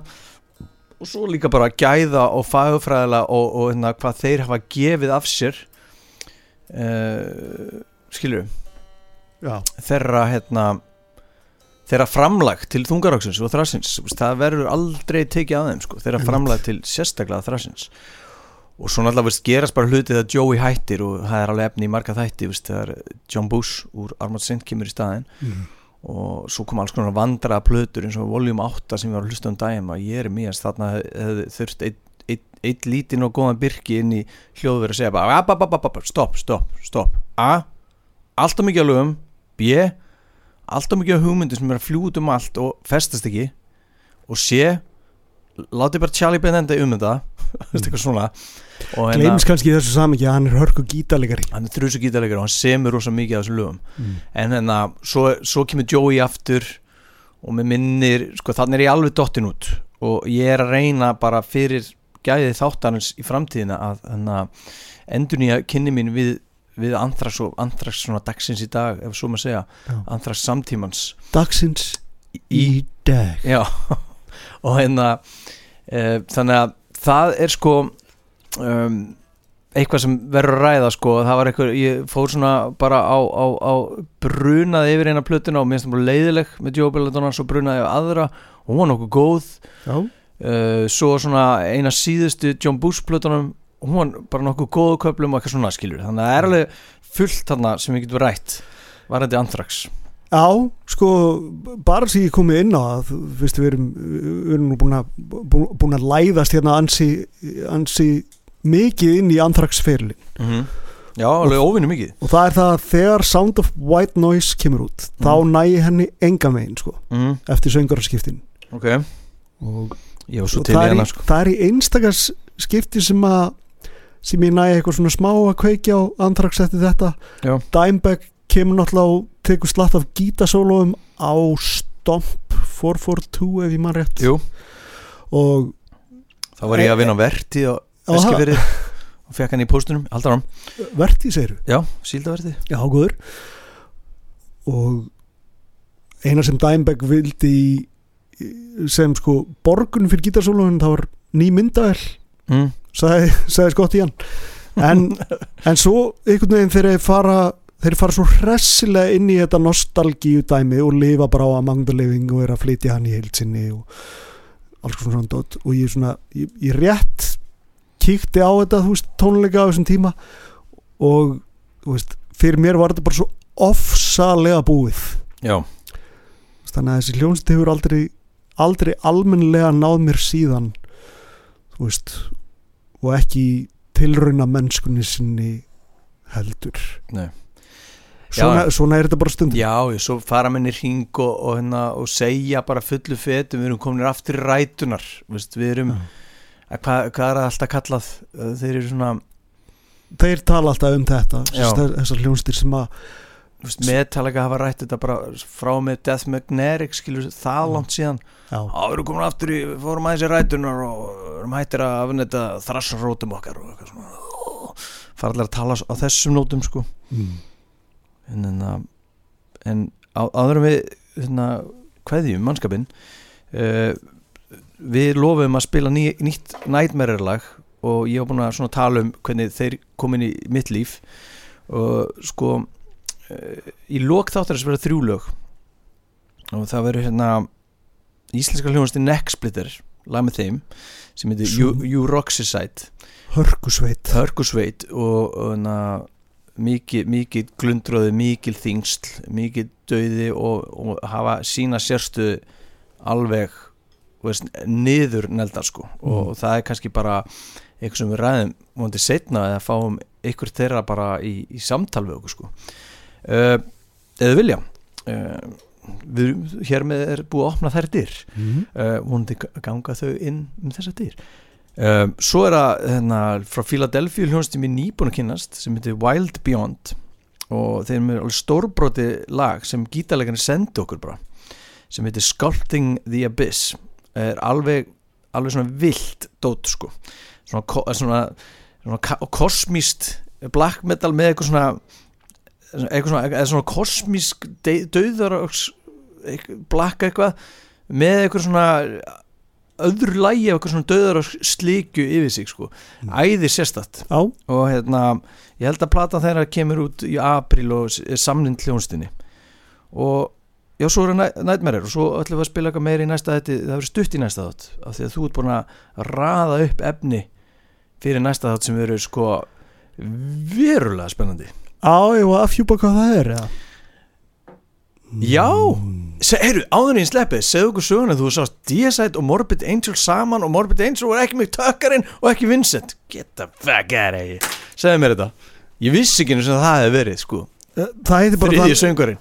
Það, sko ef maður rétti að var desember 2001 þá er ég í tónleikaferð með Kvarsi, íslensku hljónstinni Kvarsi og það heitti þannig á að ég gætt farið og séð D-Side, Morbid Angel og Cyclone mm, Saman. Cyclone, þar var hann að brjálaði trommarinn úr Emperor eða ekki Jú brjálaður Já. trommari Já, þetta geður kljónsitt líka, sko já, hérna hér Cyclone. en allavega á þessum tíma er Jared Anderson nokkur sem var í Heidi Turner mm. hann er í Morbid Angel í staðin fyrir hann tók við af Tucker Hvernig hljómað það? Hvernig er Þrus- það bara? Þrusvel Já, Þrusvel, hann var þrusugóður hann er fallin frá Þessi góður maður- fellur frá fyrir færtugt held ég. Því miður. En þannig er Erik Rutan náttúrulega í, í Morbid Angel. Þetta er Gateways to Annihilation. Mm. og Hoffmann bræður eru ennþá í D-Side. Ægileg vöðva búnt hann Glenn Benton var alltaf að gera grína þegar var að nota stera. Já. en hvað var hann að nota?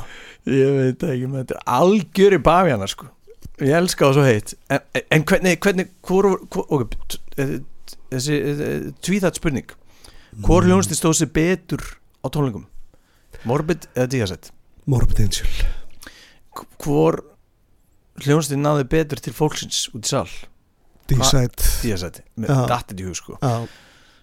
Ljómandi og það voru allir í kringum mig að þetta er skemmtilegt að því að þarna er ég að sjá svona alveg mikla konunga á döðarokkinu og það voru, Ó, þú veist, allir í salnum voru það, Já, að segja svona? þeir voru kynna lögin.